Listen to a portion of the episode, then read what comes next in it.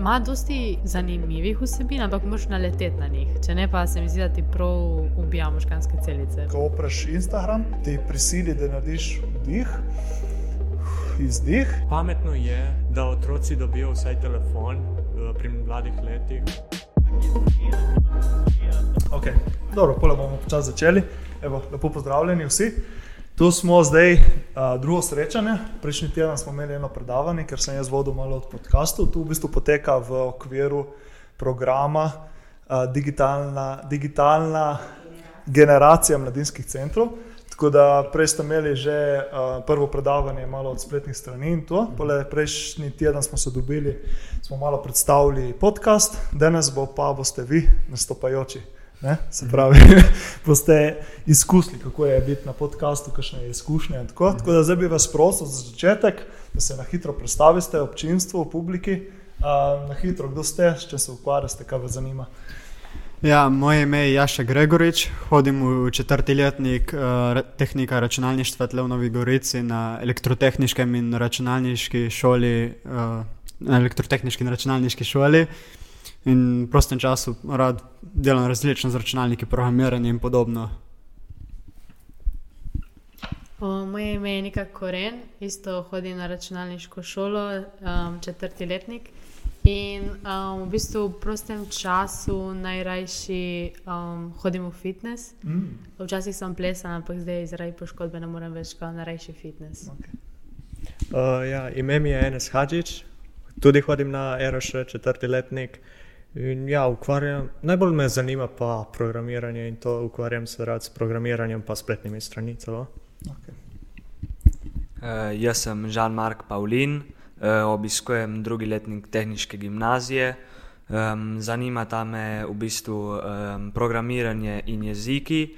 In v prostem času treniram streljanje z zračno puško. Streljanje z zračno puško, zelo zanimivo.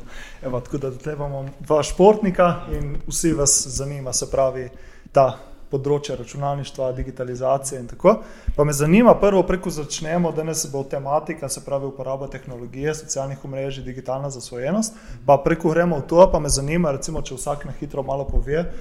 Zakaj ste se udeležili tega projekta? Me zanima, splošno tako na podcast. Kaj vam je zanimivo pri podcastih? Zakaj ste se udeležili prejšnjega predavanja, pa recimo danes? danes? Me, jaz sem se udeležil zato, ker se mi zdi zabavno, zmeraj pa sem gledal tiste bolj popularne, da se mi zdelo zabavno skozi neke provod. Hmm. Uh, jaz v bistvu rada raziskujem različna področja, sploh v zadnjem času, rada spremljam čim več stvari, tudi zdaj, ko je upis na faks, pač, da vidim čim več različnih stvari, kaj bi me veselilo naprej v življenju. In um, sploh pa tle, ker je dosti snemanja in tega, sem razmišljala tudi naprej o faksu multimediji, da zdaj res vidim, če je to nekaj, kar bi res hotela za naprej v življenju. Oh, nice. uh, ja, no, meni pa. Pa mi je zanimivo to, da lahko na tem podkastu izražiš svoje mnenje, imaš debato celo o temi svoji in pol, izražiš svoje mnenje in tako z drugimi še se pogovoriš.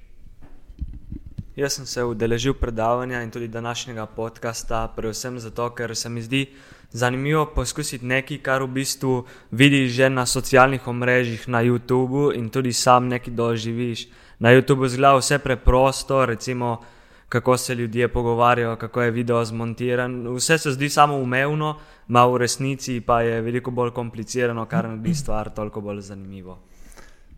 Okay. Uh, ja, zdaj potem se mi zdi fajn ta priložnost. Ne? Prejšnji teden ste imeli malo priložnost poznati, pravi, kaj je tu podcast. In danes smo ste potem, se mi zdi, na tako lepo priložnost videti, se pravi, kako deluje zadnji. Se pravi, sicer da nas manjka naš glavni tehnik, Nik, ne, uh, ki ima ponavadi vse neče res tehnične, ampak smo jih tako uh, videli.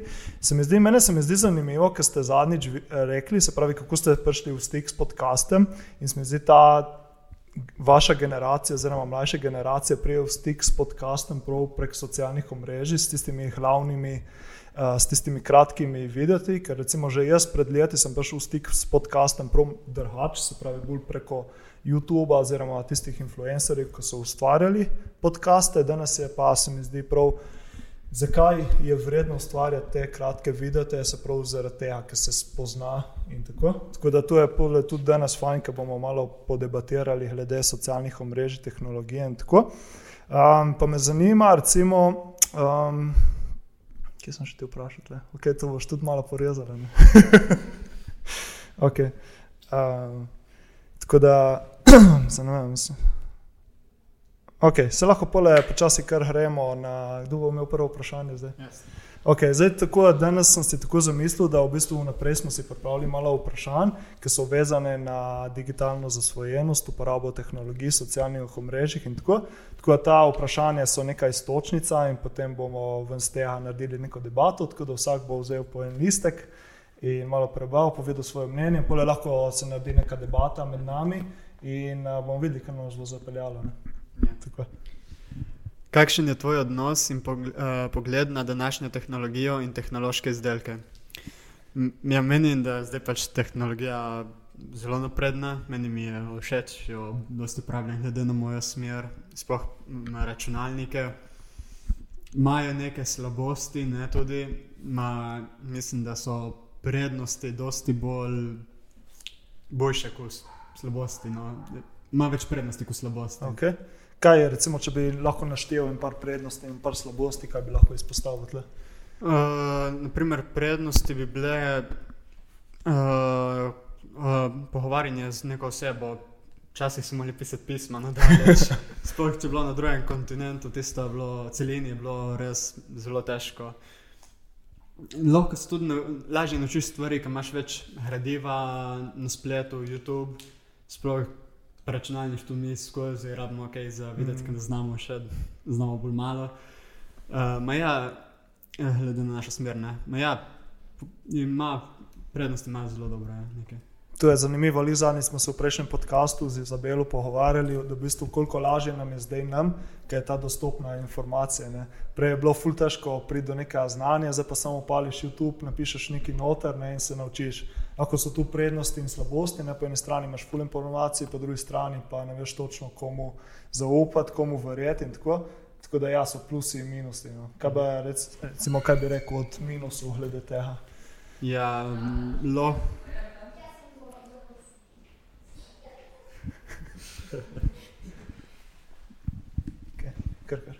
Uh, lahko postanemo zasvojeni, no, seveda, okay, to, je, ja. to je kar hudo. Uh, so tudi različne uh, rožnike, ki se lahko zgodijo na spletu in ki te tako sreče, kaj ti pišejo, da se pretvarjajo, da so nekdo, ki mm. moč jih poznaš, da ti zaupajo kakšne privatne informacije, ki ni v redu, če se prav, da se, da se zvijo po svetu te moče. Mm tudi mogoče dobiš neko lažno ti um, smisel, da lahko zaupaš, pa nekaj zaupaš, pole ven in pole ti se začne zlorabljati. Ja, ja. Ampak mogoče kakšen od vas že tako izkušnje s tem, ali ne? Dobro, hvala Bogu, treba potrkati. Ja. Tako da mogoče uh, bi se bi še kdo od vas dodal kakšno slabo slabost, kar recimo vidite pri socialnih omrežjih. Ja, moče ni jih navezal na socialno mrežo, ampak to, da, bojo, da bo tehnologija prevzela dosti poklicev zdaj. Mm ki bi jih mogli opravljati ljudje.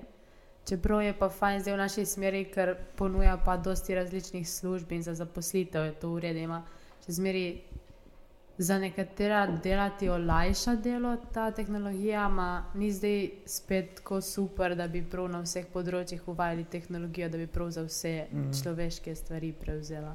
Ja. Zato imamo tudi eno tematiko AI, se pravi Artificial Intelligence, ki bo malo, malo kasneje. Ampak se mi zdi prav, da se tu izpostavlja, da pač po eni strani je tehnologija fulno mogoča, po drugi strani je pa tudi nekaj skrite od zadaj, ki niti ja, se naviješ, ne zaviješ. Ne. Ja, in tudi ne more nikoli prav nadomestiti človeka in ne more tako kvalitetno se mi zdi, da upravljati dela, ki bi jih lahko človek upravljal. Mm. Ja, ki manjka v bistvu tista neka kreativa od zadaj. Ja, tako, in tudi čustva. Čustva, ne. Kreativa, ki v bistvu kreativa, pa navadi dosti krat izhaja iz čustev. Ja. Da, um, mene pa sem, uh, sem zdaj sem mislil vprašati tu vas, recimo, ki ste malo bolj tehnični tipi, koliko mislite, da je še fore, se pravi, koliko je še prostora za izboljšavo pri tehnologiji. Imamo še full, prostora, Ja, smo že dosegli nekje vrh. Ne, ne, to je komi začetek. Res? Pol, ja, mislim, tudi v naši šoli so nam že profesori govorili, da je to komi začetek uh, te računalništva in to, da je še, še lahko nado, nadogradimo vse to in Mm. izboljšamo celo vse to. A, zanimivo. Nekaj pa dosti krat, recimo pri telefonih se omenja ta eh, krivulja. Ne? Se pravi, na začetku je bil full preskok, full napredek, zdaj smo pa tle na vrhi, ki pa ni toliko več uspona. Recimo zanimivo je videti drugačno mnenje, ne? recimo iz računalnikov in tako. Ali kaj se vam recimo vam zdi? Ja, lahko, da si niti ne predstavljamo, kam se bi lahko šla te Mm. tehnologije. Da si mislimo, da smo na koncu v bistvu pred nami pa še ful za, raz, pač, za raziskati in za razviti. Mm. Hm, zanimivo. Ja. Samo ponavadi pri takem preskoku mora biti tudi neki teh, tehnološki preskok, se pravi, se mora nekaj zgoditi, da pa le omogoči to, verjetno. Ali kako gledate na to? Jaz ful nisem, a, sprašujem, ker nisem iz tega področja, no, tako da me zanima, bolj tehnično, recimo vaše. Ma ja, preskok mora biti, se je bil že pred kratkim, 20 let nazaj, ko so okay. razvili te kvantne računalnike. Okay. To so zelo zmogljivi v primerjavi z našimi računalniki. Naprimer, o, naš računalnik bi lahko nekaj račun, računal, rečemo, tisočletno, to je mora biti res velik. Ne?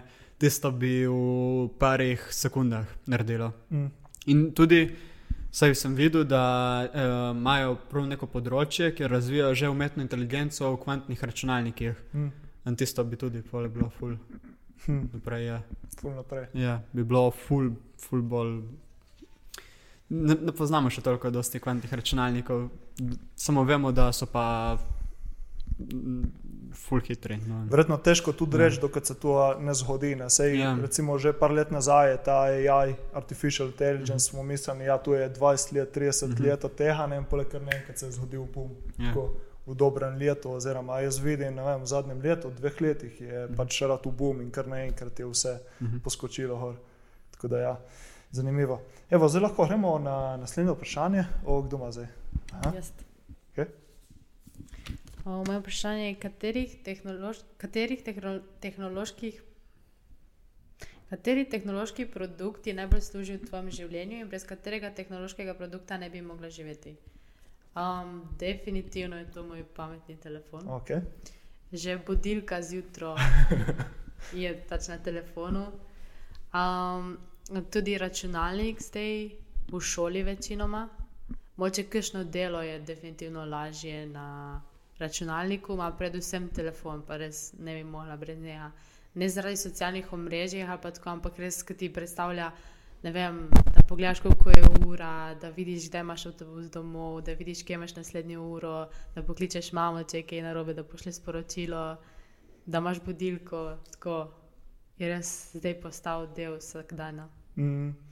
Ja, meni je zanimivo, recimo na YouTubu vidiš vsake toliko, kar še challenge, ki zamenjajo, se pravi, pametni telefon s tistim, kao dump phone, se pravi, tistim staro Nokia, pa starim telefonom. Ne, in pole vidiš, koliko je izzivov brez pametnega telefona. Ne, nimaš navigacije, pošiljanje sporočil traje eno uro, ne, pač nimaš socialnih omrežij in vsega, ne, tako da je res izziv. Pa dosti, dosti smo se navadili, smo rekli taki pač. Ne, Um, ugodno nam je, ful nam je lagodno, ker prej s tele, brez telefonov je bilo pa teže. Ne. Um, ostali, brez katerega ne bi mogli živeti, kaj je to, telefon, računalnik. Ma računalnik, po mojem, in obodvojno, no, ima, ja, po mojem, telefon še zmeraj bolj. Čeprav je res, da pri računalniku tukaj delamo za računalništvo, ne vem, če na telefonu bi zmogel, niti ga ni, ni toliko močen, ma ja, telefon, ki še najbolj pomembno se mi zdi klicanje, mm. ker pri, priješ posod in vidiš, lahko tudi na internetu vidiš urnike in je hitro in prenosno, ne, zdaj mi je fulšeč. Mm. No, meni tudi bi se zdelo kot telefon in računalnik, ma meni bolj gre za računalnik, ker tam lahko več stvari delaš kot pa telefon. Res, da telefon je bolj prenosen, lahko ga nosiš kamor češ, ampak ima baterijo, no, torej ne bo dolgo časa zdržal, kot pa računalnik, pa lahko imaš ga za dolgo cajka. Cajta, dokler ti ne zmanjka elektrike, Mm. pol, pol up- ga lahko uporabljaš za razne reči in to. Uh, Moje mnenje je tako, da tudi, tudi jaz menim, no, da je mogoče prednost telefona ta, da je veliko bolj kompaktnen kot računalnik, lahko ga imamo v bistvu kjerkoli, v šoli, po, mislim, doma, v, kamorkoli gremo, vse je vseeno kam. In ti, v bistvu so nam vse informacije stalno dostopne, po drugi strani pa je računalnik v bistvu z njim. Je veliko lažje delati kot recimo s telefonom, mm -hmm. že zaradi mi, uh, uporabe miške in tipkovnice. Telefoni, še posebej pametni, novejši, imajo zaslon na dotik, ki, vsaj po mojem mnenju, ni tako učinkovit oziroma enostavno uporaben kot recimo miška in tipkovnica, nad katerima imamo boljši nadzor. Mm. Ja, tako kompleksne naloge se mi zdi, da je ful lažje na računalniku delati kot na telefonu, tiste pa telefon je pa malo bolj priročen. Ne. Tako da tudi jaz bi ful teže živel brez računalnika, kot telef brez telefona. Okay, sej, če bi umaknil te pameten telefon proč, bi moral dobiti neko alternativo, se pravi navaden telefon oziroma nek telefon, ki nima pametnih teh funkcij. Ampak, ful teže bi uh, brez računalnika bil, sploh zaradi tega, ker moje delo tudi temelji predvsem na računalniku, se pravi pisanje, editing, pa objavljanje na socialnih omrežjih. Dobro, to se da tudi na telefonu ali pa na računalniku. No. Ampak, ja, uh, mogoče še kakšen drug uh, produkt tehnologije, ki ste dosti navezani na njega, oziroma vam olajša življenje, mogoče kakšen gamer tle med vami. No ja, lepo olajša ne, ima PlayStation. PlayStation. Ja, tisto, ko sem bil manjši, sem preživel kar, kar nekaj ur. Ja. Mi je bilo res, smo se sprijatelji dobili, sploh med korono smo se tudi. Okay. In je bilo fajn, pač, ko si se res na kon družil, mm. tam si bil zaprt. Ne, bolj. ja, to je res, ja, tudi ja. druženje, pa zabava in tako naprej. Mm -hmm. ja. Moče še kakšno. Dobro, ja, jaz tudi sem, imam PlayStation, sem ga okay. tudi uporabljal, ker sem bil še mlajši. In tudi sem uporabljal kar uh, nek staro konzolo Wii U, ne vem, če se sploh okay. še kaj uporablja. Smo s prijatelji ful se zabavali s tem in Zelo dobri spomini so iz tega nastali. Ja. Tisto je bilo tudi fajn, ker si lahko umihati vmes. Ni yeah, bilo ja, samo. Ja. igrca, ki si yeah. pač tam sedel, ampak si lahko umihati, v yeah. sport in tako naprej. Ja, uh, tudi Just Dance, to, A, just to smo radi igrali, prav, smo se prav zabavali, celo proaktivni smo bili v tem. Ja, ti so se fajn prepotiš, ne pač yeah. mihaš tam, pa igraš. Ne, pa, yeah. ja. Ni samo uno, da sediš dol. Samo... Yeah. Mislim, to je bilo pa prav uredi za te mlajše otroke, mm. mislim, za mladinstvo in to, kar jih karuno. Če niso aktivni, jih vsaj to nekaj vzbudi in da so malo aktivni. Mm. Ja, zanimivo. Pred leti sem celo videl, da so pole. Ene fitness naprave tudi tako delovale, da si v bistvu ti mihu pred zaslonom, oziroma nekaj delo, nekaj vaje pred zaslonom, tako da nekako se povezuje ta tehnologija in, in šport, samo se mi zdi, da ne toliko pije vode. Ne. So mhm. bili neki poskusi, se recimo tudi v EU, a pole niso nadaljevali. Ja, zdaj so uh, zdaj prevzel Nintendo, zdaj tudi on, Nintendo ima neke uh, igrice s tem športom ukvarjene, da se gibaš in to. Mm. Zdaj točno ne vem, kje so. V bistvu tudi Xbox je imel nekaj, ni imel tudi neko uh. kamerco, ki pole, a poznaš, mogoče veš kaj. Od Nintendo ta ve marsikaj, ki jih tudi imam, nek pet igralnih konzol ima, kar se tiče. A, ok, da smo lahko. Okay, ja. Hvala. Torej, jaz v bistvu sem se začel ukvarjati z igralnimi konzolami pri leta 2011, recimo, oziroma ne, lažem, ko sem bil star šest let, torej leta 2013. Moja prva igralna konzola je v bistvu bil Nintendo Wii, in potem sem spotoma um, se preselil na Nintendo Wii U, ker je v bistvu bila njegova prednost ta, da je na njemu si lahko igral enake igrice kot na Wii U, samo da so bile še nove igrice. Če ne, koncept je bil bolj ali manj enak. Mm -hmm. Potem uh, sem imel opravka tudi s prenosnimi igralnimi konzolami, kot sta. Nintendo 2DS in okay. New, New Nintendo 3DS XL. Uh, ja, tisto je uvedlo tehnologijo, v bistvu Nintendo 3DS XL. Glavna, glavna zadeva, oziroma glavna finta cele konzole je bila, da uvede neko 3D izkušnjo, ampak kot vem, se je dokaj izjalovila in ogromno igralcev je niti uporabljane. Sem pa videl tudi, ja, kot ste omenili, da je bilo v igralni industriji um, veliko poizkusov uvajanja novosti, kot recimo uh, senzori za gibanje, tudi pihanje v igralno konzolo, ki lahko v bistvu ima nek vpliv na dogajanje. In še posebej sem opazil to, da igralne konzole s časom postajajo vse bolj. Vse bolj napredne, kompaktne, recimo najnovejša igralna konzola, ki jo ima Nintendo Switch, Um, v bistvu lahko ga igram doma, ne kot uh, domačo igralno konzolo, lahko pa ga tudi vzamem s sabo in ga igram kjerkoli po svetu. Mm. Je pa res tudi to, da se vedno bolj izboljšuje tehnologija in kot recimo PlayStation 5 in Xbox uh, Series X in S. Te dve konzoli sta grafično tudi bolj zahtevni, zato sta tudi cenovno dražji. Mm. No.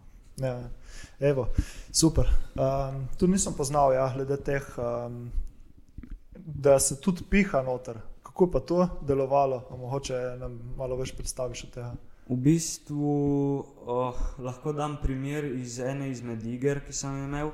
V glavnem, um, cel point, oziroma point igre je bil ta, da si s tem, ko si pihnil v igralno konzolo, ki je imela prav specifično odprtino za to lahko vplival na dogajanje, tako recimo, da je bil narisen recimo fen na okay. ekranu, ti si pihnil v konzolo in tisti fen se je potem premikal. Recimo, to je bilo še posebej vidno na platformah. Recimo, ko si pihnil v fen, se je platforma premaknila. In če si konstantno pihal, se je ohranila na mestu, če ne pa se je vrnila nazaj no, v prvotno stanje. Ja, to je tudi fajn, ker recimo dihanje ima tako ful, pomemb, ful pomembno vlogo za naše zdravje, dobro počutje, tako da lahko s tem pole tudi treniraš. Um, zdaj, ki smo še pri igrah, še lahko še tle malo ustavimo, kakšen je vaš pogled na igre, gaming in tako. Ja, meni so fulorede, samo če ne pretiravamo z njimi, ker vidiš, kdaj po internetu res tiste, ki prav pretiravajo, eni sploh nehajo hoditi v šole. Mm. Če ne, so zabavne, jaz jih igram samo ne pretiravam, tako neke normalne mere. So... Koliko se vam zdi, da je tako normalna mera igranja? Koliko bi rekli? Na dan, eno uro in pol do dve. Okay. Vem, zdaj je debata, koliko bi rekli vi ostali. Jaz bi rekla, da je tako dve uri, moče uno pro max, max je že tri mm. ure, že to je ono vodje po moje v neko zasvojenost.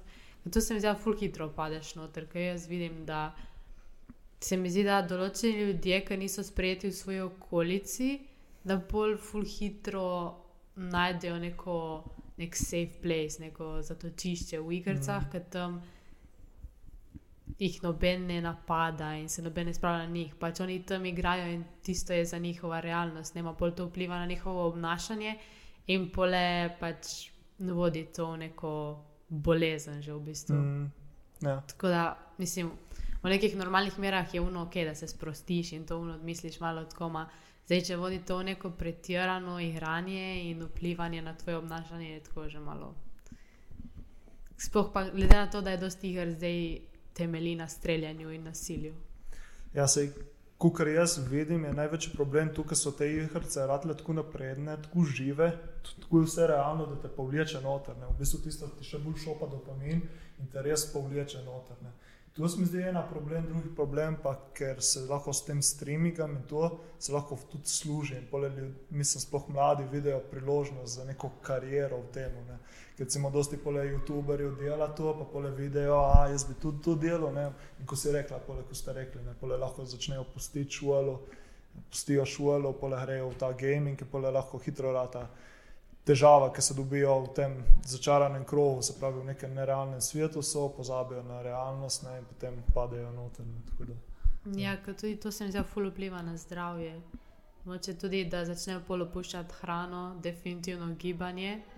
In to bolj ful vpliva tudi na možgane, ne? ker mm. enostavno, kot da bi se ustavili razvijati. Mm. Pač, ko bolj ne razmišljaš kot nek normalen človek, ki hodi v zrak, se druži z ostalimi ljudmi in tako. Mm. Še vi dva, recimo? Ne, ne, ne, ne, ne.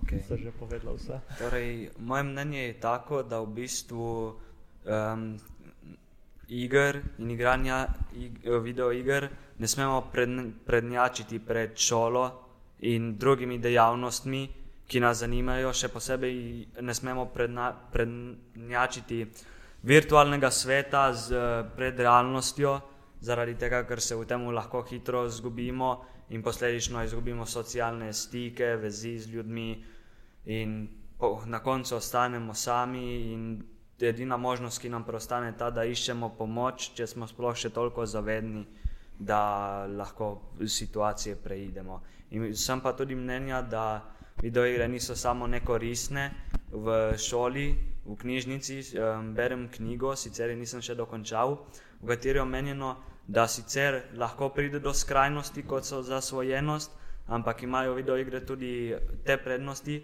da nam lahko razvijajo domišljijo in še posebej današnje igre, ki, se, ki temelijo na online igranju, lahko tudi izboljšajo medsebojne odnose, medsebojno sodelovanje in še marsikaj drugega. No. Uh -huh. A, zanimivo. Ja, se tu je spet tu na balansu, pravi, koliko uh, lahko, da se ne pole, da rata preveč in da nas pole povleče noter. Recimo isti primer je lahko s televizijo. Ne? Se pravi, koliko je preveč oziroma nek normalno gledanje televizije pa tudi ful koristi, tudi pole za, um, za učenje, za tudi pole za jezik. Recimo jaz zmerno povem štorijo, zakaj jaz govorim italijansko, zaradi tega, ker kumulo sem poslušal oziroma gledal italijansko televizijo in italijanske risanke ne? in pa zaradi tega znam italijansko. In, uh, ampak, če bi jih gledal preveč, pole bi pa rado neke druge težave. Ne? Tako da vse nekje v balansu. Ne? Da, ja.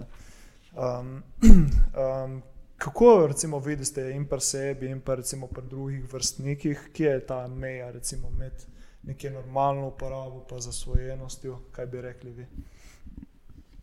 Ma, jaz bi rekel, da meja je tam, veš, ko vidiš, da se človek še lahko kontrolira. Ne? Jaz lahko rečem, da uh, komod lahko ne tem brez igrc. Hmm. Res da bi gledal filme, ne, ma še zmeraj, če boš še nekaj. Jaz res rad gledam filme, ki so mi všeč. Ne? Ma ja, nekaj tudi je, da dosti, ki igrajo igre, grejo ful pozno spat. Mm. In spijo malo ur, 4, 5, mogoče celo 3 ure, ne spijo. In ni v redu, pač za telo sploh to. Spoh uh, za mlajše, ki se še razvijajo, ne vemo, kako pomembno je spanje. Uh mhm. -huh. In se pravi, manj ko se spi, slabše se razvija telo, tudi pole, slabše počutiš čez dan, ne moreš pole normalno funkcionirati v šoli in to. Uh mhm. -huh. In pole priješ domov in začneš spet igrati igrice, pa igraš dolgo v noč, uh mhm. -huh. tako da rata potem nek začaran cikl, začaran uh -huh. krog. Yeah. Ja. Moče še dukaj dodati. Okay. Um. Mogoče pa ta meja niti sploh ni razvidna med neko normalno mejo in zasvojenostjo. Se mi zdi, da se ful hitro zabriše, pa ful hitro preideš, brez da bi se sploh zavedel neko zasvojenost, ki si uno.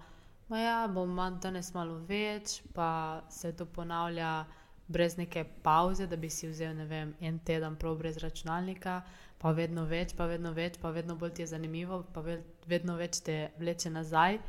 Pa bolj enostavno, brez da se zaveš, pol kar padeš noter. Mm. Lahko da ne pri vseh, samo lahko pa da tako pri komu se tako zgodi, da zgubi neko kontrolo. Ker misliš, da imaš nadzor nad sabo, pa bolj enostavno padeš noter in se sploh ne zaveš. Mm. Ja, no, jaz bi rekel, da se to že vidi pri obnašanju.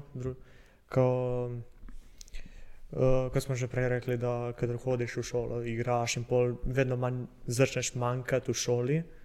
In pol, ja, pol se že vidi takoj, da se, uh, da se ta oseba začne hoditi, mislim, se bolj več ukvarja s temi igrami, kar je bolj slabo za njega. In pol se vidi celo po njegovem obnašanju, je bolj nasilen, če igra kaj takega. Prišel je komar obiskat. Ja. ja. No, ja, to pač. Ja. Še kaj lahko dodam, nekaj. Hvala. Uh, kar se tiče uporabe telefona, ja, jaz menim in je tudi zelo pazno, kjerkoli sem, kamorkoli grem, opažam ljudi.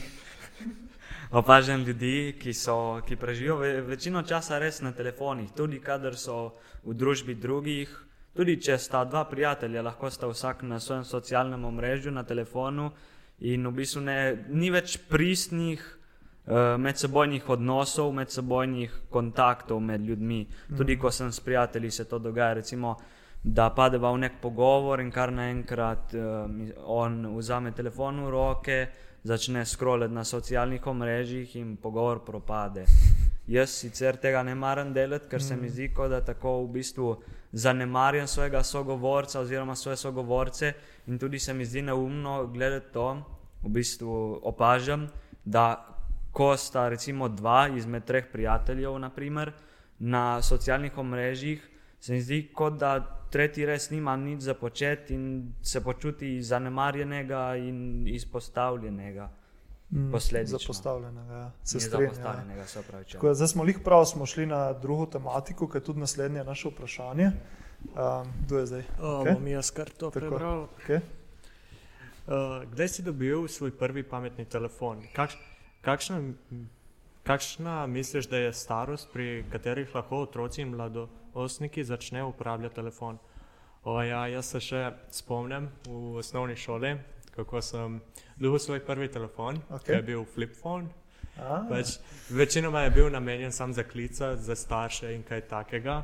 Če sem končal s poukom, da me pridejo iskati, ali pa da napišem jim kako sporočilo, če rabijo kaj. In ja, mislim, pametno je, mislim, da otroci dobijo vsaj telefon eh, pri mladih letih, dobro, ne prav pri mladih, tam okoli šesti razred, da dobijo telefon, da lahko obveščajo svoje starše, tako da če rabijo kako pomoč. In če ne, vedno več, ko gremo z leti naprej, dobijo kakšen boljši telefon, naprimer pri osmem razredu lahko dobijo že pametni telefon, okay. takega, da se lahko malo bolj socializirajo z drugimi. In ja, to. okay. Ostali? Kdaj je bila vaša prva, prvi telefon? Moj prvi telefon sem dobila od mame, ki je bil tako roza. In sem bila ful vesela, da je bil na dotik, ma fora je bila, da pač tisti telefon je bil pravi samo za klicanje, ker je bil drugega gor.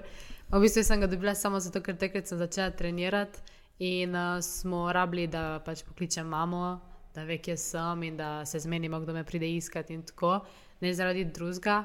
Um, pol pa tudi naslednji telefoni niso bili zdaj neki, uno, wow, neki zmogljivi telefoni, to je te, da ne, ker um, ga ne rabiš.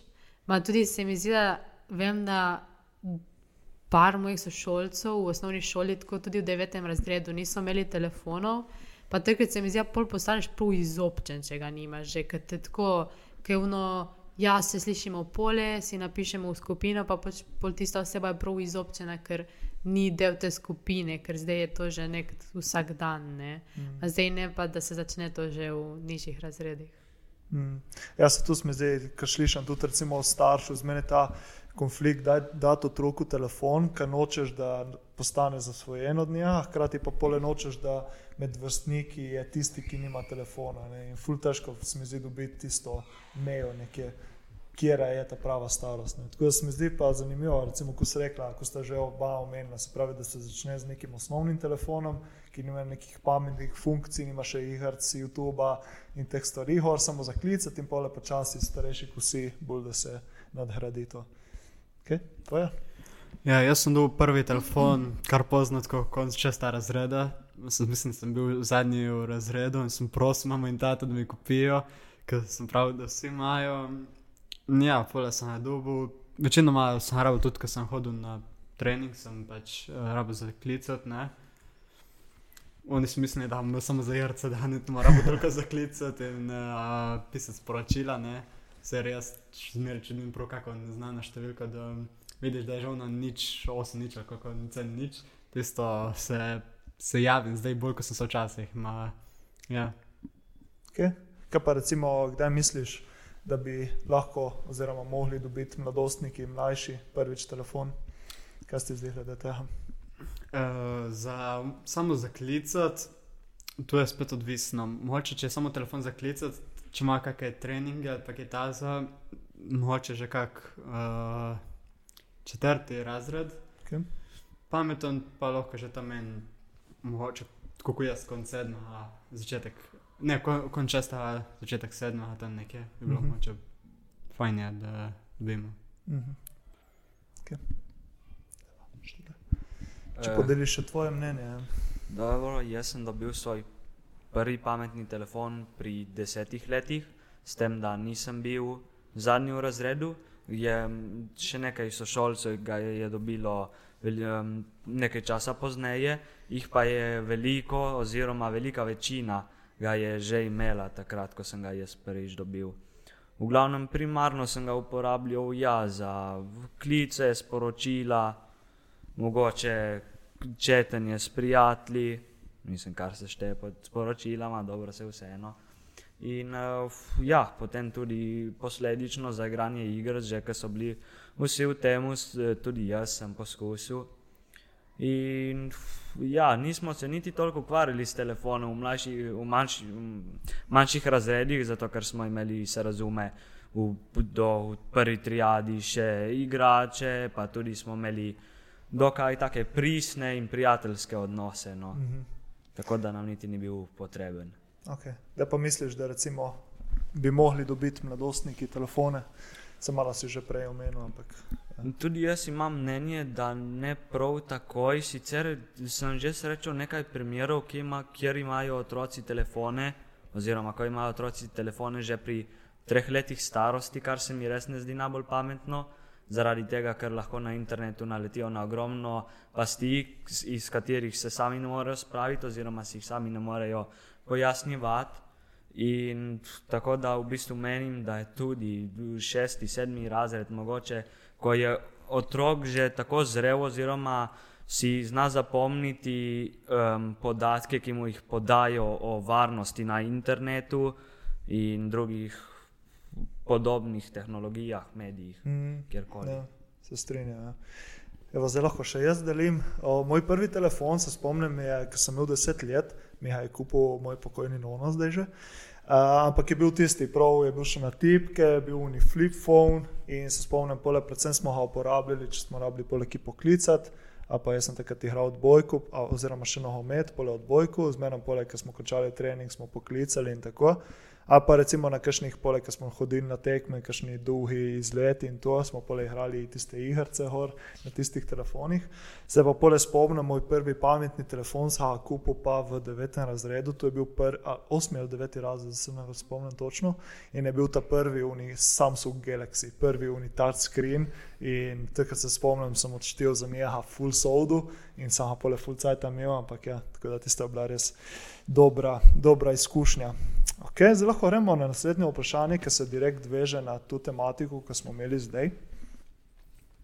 Dobro, moje vprašanje je, ali meniš, da uporabljaš telefon in socialna omrežja pametno? To je zelo odvisno od tega, kaj počnem na njih. Uh, vsa socialna omrežja niti niso namenjena tako rečeno pametni uporabi, ampak bolj za, kot sem omenil že prej, po, pogovor in četenje s prijatelji, mislim, ogled objav ljudi po svetu. Sicer objave niti nimajo vedno najboljšega vpliva, ker lahko si o njih narediš tudi svoje mnenje, lahko opaziš ne vem, eh, ljudi, ki posnamejo fotografijo. Recimo, tak primer smo imeli tudi v osnovni šoli, oziroma tako, tak primer so nam postavili kot v bistvu nek zgled, eh, kaj se lahko dogaja na socialnih omrežjih.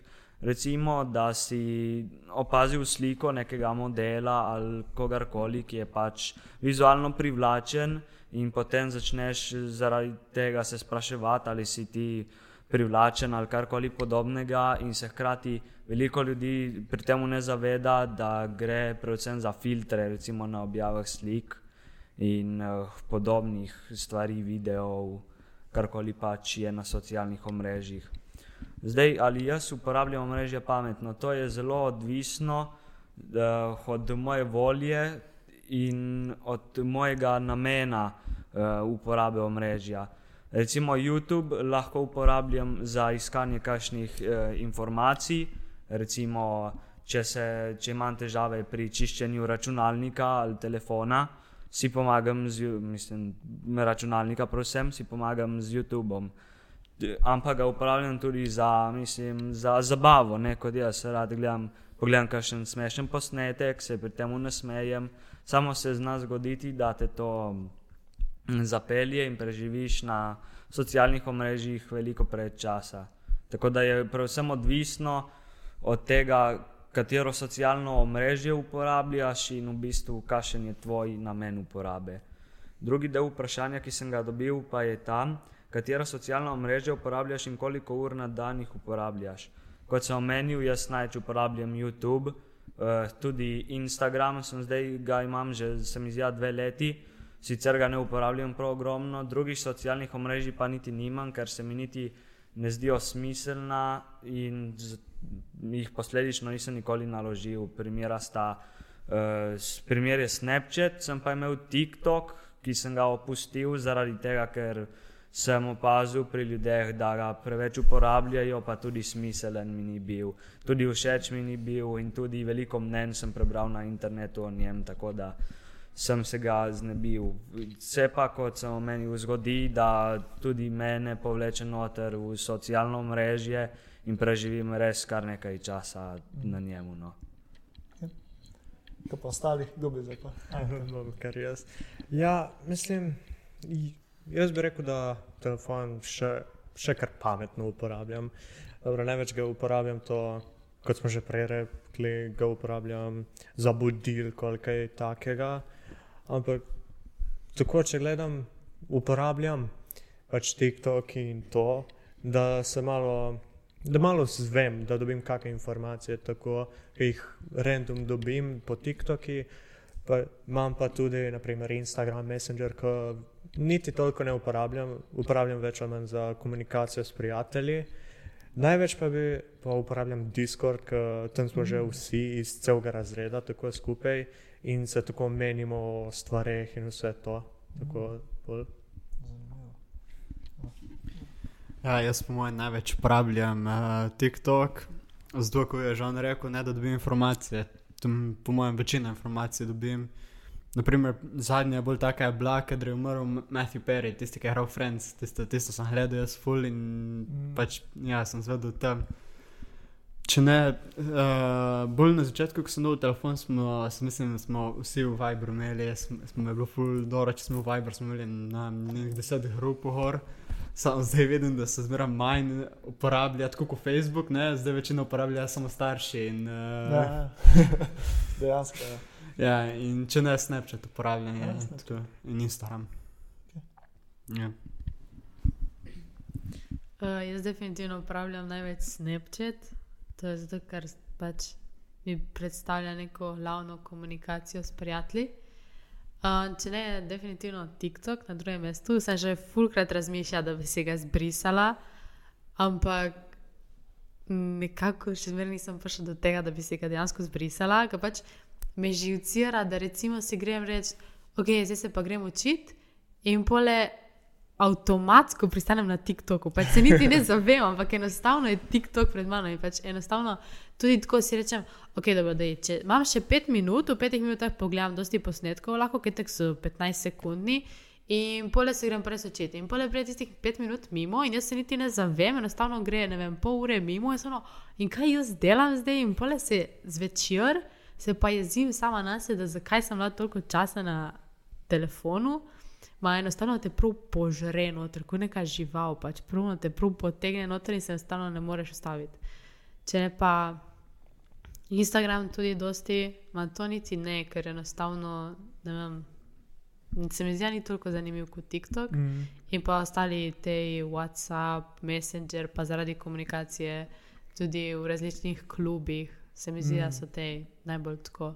Znači ne pa TikTok, ampak ima dosti zanimivih vsebin, ampak moraš naleteti na njih. Če ne pa se mi zdi, da ti prav ubija možganske celice. Pa se zavedaš tega, ampak enostavno se ne moreš ustaviti, saj jaz ne, ne vem. Ja.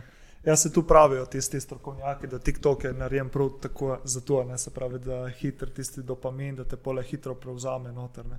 Se Ja. po eni strani nis- nismo sami krivi, ker v bistvu tehnologija je tako naštimana, ne, ampak hkrati nas pole hitro povleče noter, spoh če zgubimo kontrolo, kot je rekel Žan na začetku. Ne. Ja, ma največji problem je, ker ti skrajša ta attention span, ne? pač mm. to se ne moreš osredotočiti. Recimo, ko se gre- gledaš te posnetke 15 sekund, že vidiš, ko greš gledati film, pa če ta brez veze po 10 mm. minutah, vsaj ne vem tako. Ali pa se greš učiti in po 5 minutah že gledaš v zrak in iščeš, kaj bi delo. Pač ne vem, enostavno ti prav preorganizira možgane. Ja. Ja, to je prav, ja, se zdaj dosti strokovnjakov govori o tem, da pač skrajša tu pozornost. Ne, in pole je težko za nas mlade, se za vseh, ne samo za vas mlade. Recimo tudi nas, ki smo malo starejši, jih tako potehne noter, ne, se pač tu je univerzalno delujejo te stvari. Ne. Ampak se mi zdi, da se pole počasi treba distancirati na to. In se mi zdi ena izmed, um, kot sem zadnjič omenil že na predavanju, ena izmed teh motivacij, zakaj smo začeli tu s podcastom in ker smo hoteli iti proti tej kulturi. Se pravi, ne toliko teh kratkih videoposnetkov, čeprav delamo tudi to, ampak predvsem za promocijo podcasta, ampak počasi se umakniti proti od teh short form kontenta, ampak delati daljše vsebine, kjer spet počasi preizobraziš ljudi. Od, pač se ni treba samo tiste hitre. TikToke gledati, ne lahko pogledate tudi podcast, ki traja pol ure, eno uro. Ampak jaz se strinjam s tabo, da je težko, sploh na začetku, ne, se pač od tega odvaditi, nekaj tudi možgani pole rabijo se malo odvaditi od tega. In, uh, ja. Ja, ampak če si predstavljaš kot podjetje, ki rabiš uh, neko poz, prepoznavnost, je pa to zelo ful dobra pla platforma, zato ker meče algori algoritem naprej. Ne? In recimo na Instagramu ti ne boš dobil različnih, vem, podjetij, ki išče prepoznavnost, boš na TikToku, ne? ker tisti for you page. Tam ti meče različne posnetke, ki algoritem pred, pač predvideva, da so zate. Zato, je to bolj, zato se dosti podjetij poslužuje tega, ne? ker ve, da je dosti mladih in dosti prej dobiš pozornost, kot na kakšnem koli drugem omrežju. Ja. Tu pa res, ja. Uh, mi je všeč, da si to omenila zdaj, ker vidim, recimo tudi nekateri ustvarjalci vsebine, ne bom povedal kdo, ker pač nočem uh, delati komukoli zamere, ampak nekateri ustvarjalci, eden je tudi z Gorice, pač ustvarjajo kar pač take res smešne, oziroma skoraj že malo neumne vsebine za neka podjetja, večja slovenska, ampak vejo, da jih tu pri mladih upali ne, in delajo zaradi tega, pač take vsebine delajo, ne, da pole upali pri mladih. Ampak se mi ne zdi, mislim, po drugi strani je pa uno, ne pač neke no, pod navednicami neumne vsebine, pa kar dobijo algoritem push in pole se kar pole med mladimi širijo in vse. Um, dobro, se tu se direkt veže na naslednje vprašanje, kdo ima zdaj, kdo je spet. Ok, si ti. Zakaj misliš, da so socialna mreža tako popularna med mladimi? Um, uh, moče zato, ker lahko izrazijo neko svojo kreativnost. Definitivno okay. na TikToku rabiš biti kreativen, zato ker če ne človek, ki vidi tvoj posnetek dve sekunde in gre naprej. Ne? Um, določeni lahko um, iz, ustvarjajo nekaj, kar nočejo, da je pod njihovim imenom in se skrijejo za tisti Aha, okay. profil Ja. in delajo nekaj, kar jih ful veseli, ma nočejo, da ljudje vejo, da to oni delajo, mm. ker moče se počutijo, da ne bi bili sprejeti v to. Um, drugače pa dejansko ne vem, zakaj so popularna. Zato, ker dosti socialnih omrežij je zaradi pogovorov, ne? vsi vsebujejo čete, da se lahko pišeš.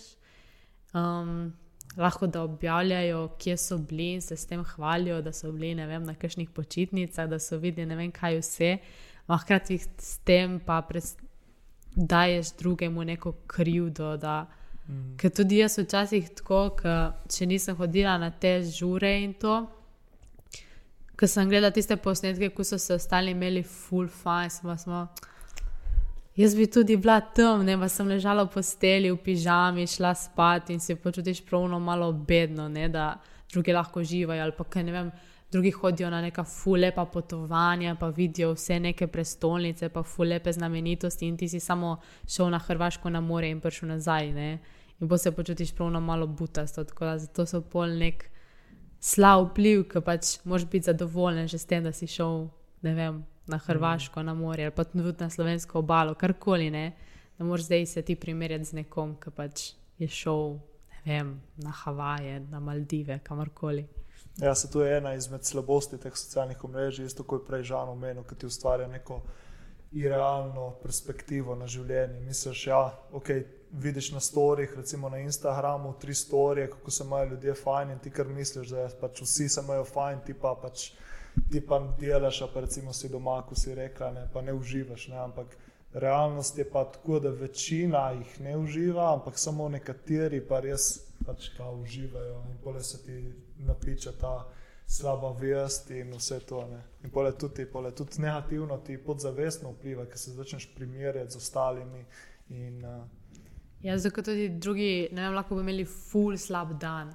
Ampak zdaj sem poslušala en podcast, pa je ena rekla, da o Valentinovem so se pogovarjali in so rekli, da um, lahko, da se, se, da se je en par full močno skregal, pa je objavil na Instagramu neko full fancy večerjo, pa da se vas ta full fajn, pa da sta šla na en full dor zmenek. Pa sta se predtem na smrt skregala, pa ni bilo vse tako lepo, kot je bilo dejansko videti. Ne? Pa ti se počutiš zelo full bed, ker si samski na Valentinovo, ma hkrati ona dva dni sta spet uživala tistega Valentinovega, ne? ko si ti predstavljaš. Mm. Tako da je full um, dvolično to. Ful je dvolično. Ja, si tudi ja. tle vprašanje pol naprej, katere so po tvojem prednosti uporabe socialnih omrežij in katere so slabosti. Slabosti so definitivno to, da ljudje objavljajo samo highlighte svojega dneva ja. in pozitivno, ki si imel ne, ful slab dan, pa vidiš uno, kako je imel nek. Človek, ful dober dan, pa v bistvu je lahko imel neki človek, lik tako, ful slab dan, pa še slabši kot ti, pa je objavil, mm. da je šel, ne vem, na sprehod, pa je bilo ful lepo tam videti, pa si ti imel, ah, kar neki. Pač. ja, ja težko je prepoznati to iluzijo. Ne? Misliš, da je res samo tista fasada, ne? ampak v bistvu ne veš, kaj pa je od zadaj. Um, me zanima zdaj, a vidite mogoče pri vaših vrstnikih oziroma pri nekih influencerjih, ki jih spremljate, da objavljajo tudi neke slabe dneve ali objavljajo samo dobre dneve. In oziroma tudi ceniste, ali se vam, zdi, se vam zdi, da to ni pravilno da bi mogli objavljati samo highlights na socialnih omrežjih. Kaj se vam zdi? Se mi zdi, da vedno več ljudi zdaj haja v to, da bo objavljalo tudi slabe stvari, pa uh, kako ne vem. Lahko vodi podjetje, pa pokaže, kako gre vse na robe, pa kako kolekcija ni pršla, pa kako je neki se ful pokvarilo, pa ni ratalo, kot bi mogli. Se mi zdi, da vedno več jih hoče prikazati, predvsem mladim, da ni samo dobro na socialnih omrežjih, a spet drugi pa nikoli ne bojo odstopili od tega, da prikažejo samo dobro, ker to jim pač daje gledanost, ne, da vidijo samo dobre stvari. Ker mm. dosti ljudi se noče sprijazniti to grdo resnico, da ni vse super, pa da človek normalno tudi zboli, pa mora biti doma, pa ima masne lase, pa ima strgane hlače, pa tako ne, mm. da ni vse v znamkah, pa vsem lepem. Mm. No, ja, jaz se spomnim, ko sem gledal YouTube, ponavadi, ko sem bil še mlad, sem gledal vlogerje, zelo rad sem jih gledal. In mi je bilo všeč, ko objavijo vsak dan, ne glede kaj se je zgodilo, objavijo, kaj se je zgodilo, kaj jim je bilo všeč uh, in kaj, kaj je bilo narobe, kaj se jim je zdelo, da bi lahko bilo boljše, celo, uno, da bi lahko šli na še kako večerjo, povabili kakšne prijatelje, bi se nekam šli družiti. Tako, pol, tako vidim pač že v mlajših letih, da kako je življenje odraslega, že, da lahko vidim, da je full zaposlen, ima čas za prijatelje in vse to, da se lahko zabava in predvsem, kaj vse počne on. Mhm.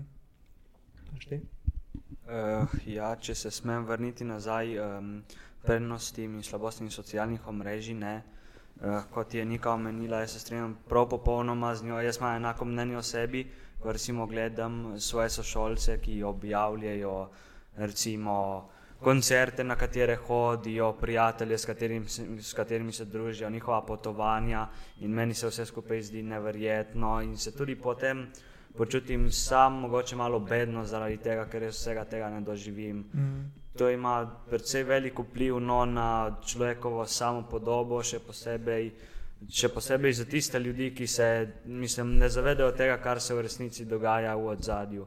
Kar se pa tiče objavljanja tudi slabih dni, sem pa takega mnenja, da v bistvu še vedno veliko kanalov in ljudi ne objavlja slabih dni, ker na koncu dneva se človek vpraša, zakaj pa bi sploh objavil, da se ti je zgodilo nekaj slabega, ker od tega bolj ali manj nimaš nič. Je prav, da bi se to objavljalo, ampak se mi zdi, kot da ljudje tega ne, ne počnejo za nalaž. Lahko bi si s tem, ne vem, uničili ugled, sicer ne vidim, da bi bil toliko vzrok, no, ma, mogoče pa prije tudi do takega mišljenja. Ja, ja sigurno. Ne. Tudi odvisno, kakšen tip uh, osebnosti oziroma teh influencerjev je.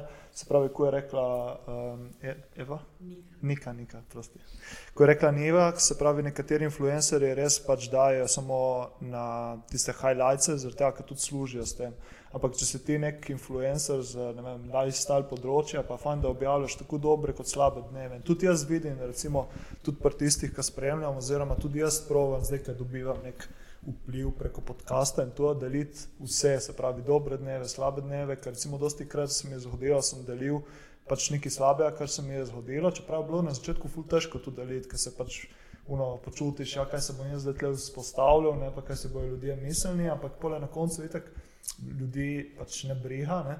in v bistvu tisti nazaj pa ti napiše oziroma ceni tisti, pa ki recimo gre podobno čez to. Ne? In pač s tem, kar ti deliš, tudi slabe stvari, daš tudi recimo neko ime oziroma nek glas tudi ostalim, se pravi, vidijo, da ok, nima samo jaz slabega dne, ampak um, tudi ostali. Ne. Tako da, recimo, ja, prednosti in slabosti. So pa nekateri, vem, da recimo nekateri tudi ne želijo tega gledati po socialnih omrežjih, ker recimo, ja, imajo slab dan, ne, pa hočejo odmisliti, pa nečejo iti na socialna omrežja in videti, kako imajo tudi ostali neke probleme. Ne, pa želijo samo se res izklopiti in na socialnih omrežjih videti samo tiste lepe stvari, tako da imaš več. Um, več plati. Ja. Okay. A bi mogoče še kdo dodal kaj na tej točki? No, ja, so tudi. A ja, pač, se ti nisi ja, še, prosti, ja, ja. Ni problema, ni problema. Je tudi ena prednost teh socialnih medij, ki vidim. Naprimer, eni ljudje dajo slike gor, lahko so kakšne koli stvari, ni treba, da so v kakšni klubi. mm, Ali pa kakšne počitnice, lahko so samo kakšna roža, kaj da gor. In vidiš, da z veseljem dajo gor in Mm. ne brija za služek. Ne prav lepo videti take ljudi, ki so delali z veseljem, objavljajo, Ja, da lahko vidijo tudi drugi ljudje. Ponovadi taki ljudje zato dosti ne zaslužijo, ne? tisti, ki zaslužijo, so ponovadi, ki imajo kakšne sponzorje in ja, take, ja. Ja, ker v osnovi socialna mreža so bila za to ustvarjena, ne, da Mhm. ti lahko deliš, pač, kar se ti dogaja, pa kar si ti passionate about, se pravi, kar te veseli. in Ja. Tako, ne. Samo smo šli malo proč od tega Ja, ja, namena. Ne, tako ja. Evo, dobro, lahko gremo pole zdaj na naslednje vprašanje. Ne kdo je zdaj na vrsti. Aha. Torej, kdaj lahko rečemo, da je nekdo zasvojen s telefonom in socialnimi omrežji? Moje mnenje je tako, da to lahko trdimo oziroma rečemo, ko v bistvu se res oseba ne zaveda tega, koliko časa zares zapravi na telefonu. Mogoče se tudi ne zaveda, da izgublja na odnosih, na svojemu, na svoji samopodobi, na svojemu gibanju in predvsem zdravju, ki v bistvu gibanje tudi vključuje. Uh, dogaja se res, kot smo menili, da je zasvojenost vse večja. To bi morali tudi nekako, um, tega bi se morali znebiti oziroma omiliti vse skupaj. In tudi to je v bistvu moje drugo vprašanje, kaj bi nekomu pomagalo, da bi jih manj uporabljal. Recimo pri meni je zelo odvisno, koliko časa sem na telefonu, od tega, koliko sem v dnevu zaposlen in tudi od moje volje. Ker tudi jaz, ne, ko preživim določeno količino časa na telefonu, sem tak človek, da ga v bistvu čas, zapravljen čas me jezi, torej začnem kriviti sam sebe, da sem preveč časa na telefonu, zato se ga tudi provam znebiti čim bolj hitro. Ni pa to nujno težava pri vseh ljudeh. Jaz osebno, da zapravim čim manj časa na telefonu, se poizkusim zaposliti, kolikor se pač upam, iskati ideje, aktivnosti, s katerimi bi se ukvarjal, pogovarjati se z ljudmi, kot v bistvu zdaj, ko izvajamo ta podcast. Pogovor res nekako. eh, Zelo hitro mineva čas med pogovorom, tako da ga zapraviš vseeno, kljub vsemu na koncu dokaj efektivno in imaš nekaj pozitivnega odneseš od vsega skupaj. kot pa reč- recimo, da zapraviš vse ta čas na telefonu, kjer pa lahko tudi dobiš, če delaš nekaj koristnega, ali pa izgubiš, če delaš karkoli nekoristnega, oziroma z um, nekaj, kar te zasvoji posledično. Se strinjam. ja. Kakšno drugo mnenje še, recimo, se pravi, kako veš, da si zasvojen, oziroma kako bi nekomu pole tudi pomagal, recimo, da Be, jaz sem manj uporablja. Ja, sem slišal, ve, da so neki telefoni, ki pomagajo tem, ki so preveč na telefonu. So neki, se že pozabil, kako se kličejo, ima so tudi touch telefoni, ne? A, So samo simple, imaš tekst, no. a tu so oni, minimalist phone. Minimalist phone, ja. Ok, Okay. Imaš samo ja. klice, mislim, da sporočila, gmail in moče še kaj, se ne vem točno. In pa je eno, uh, sem videl nekje na internetu, da eno je pomagalo, to je dejansko, mm. ne. Ker to odvrne od telefona, ker kaj veš, da na testem boš gledal skozi gmail, ok? Najbrž da ne, ne. Ja. Ja, zelo zanimivo, no, tudi Ok. okay. po mojem preveč dragi niso. Ja, zanimivo. Ja. Uh, jaz bi rekla, da um, sam se ne zavedaš, da si zasvojen. Po moje, pač definitivno se ne zavedaš, to bolj oko, okolica opazi. Ma ti ne boš prišel do neke spremembe, če sam zavestno ne greš v to. Pač lahko te drugi potiskajo to, ti svetujejo, ti nudijo pomoč, ma dokaj ti zavestno ne boš bil, no, ok, jaz pa nočem biti več tak, jaz hočem spremeniti svoje življenje, ti ne boš nikoli prišel do spremembe. Mm. Ker je vse se začne in konča pri tebi. Ne? Mm. Pač lahko je okolica zelo ti pomaga, te spodbuja, a še zmeraj si ti tisti, ki se odločiš.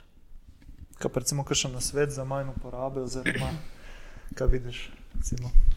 Um, ja, definitivno, da najdeš neke hobije, ki te veselijo, da si probaš urnik čim bolj zapolnjen z nekimi zanimivimi aktivnostmi, ker se mi zdi, da če recimo pred domačim nalogom, ko imaš za odgovoriti na deset vprašanj, ki nimaš pojma, kako boš odgovoril na njih, pač je definitivno uno, ma ne, ne bom zdaj, in greš na telefon, ne, pač probaš si dati, uno, ok, da zdaj imaš pol ure, reši to in pol lahko, ne pač definitivno neki hobi, nekaj, kar te zanima, da preusmeri tvojo pozornost, ne. Ker um, če ti ne bo zanimivo, če ne bo imelo tvoje pozornosti, pole ti ne bo pomagalo pri tem, da nehaš biti na telefonu, ker vseeno telefon ima neko našo pozornost. Ker po mojem ne rabiš niti dosti razmišljati, da ga uporabljaš, ne ti priješ v podzavest. Ker recimo, če se greš učiti, moraš uporabljati možgane, se moraš truditi, moraš razmišljati. Medtem, ko uporabljaš telefon, ki skrajš po socialnih omrežjih, tega ne rabiš, ne? zato je bolj privlačno. Mm, se strinjam. Ja.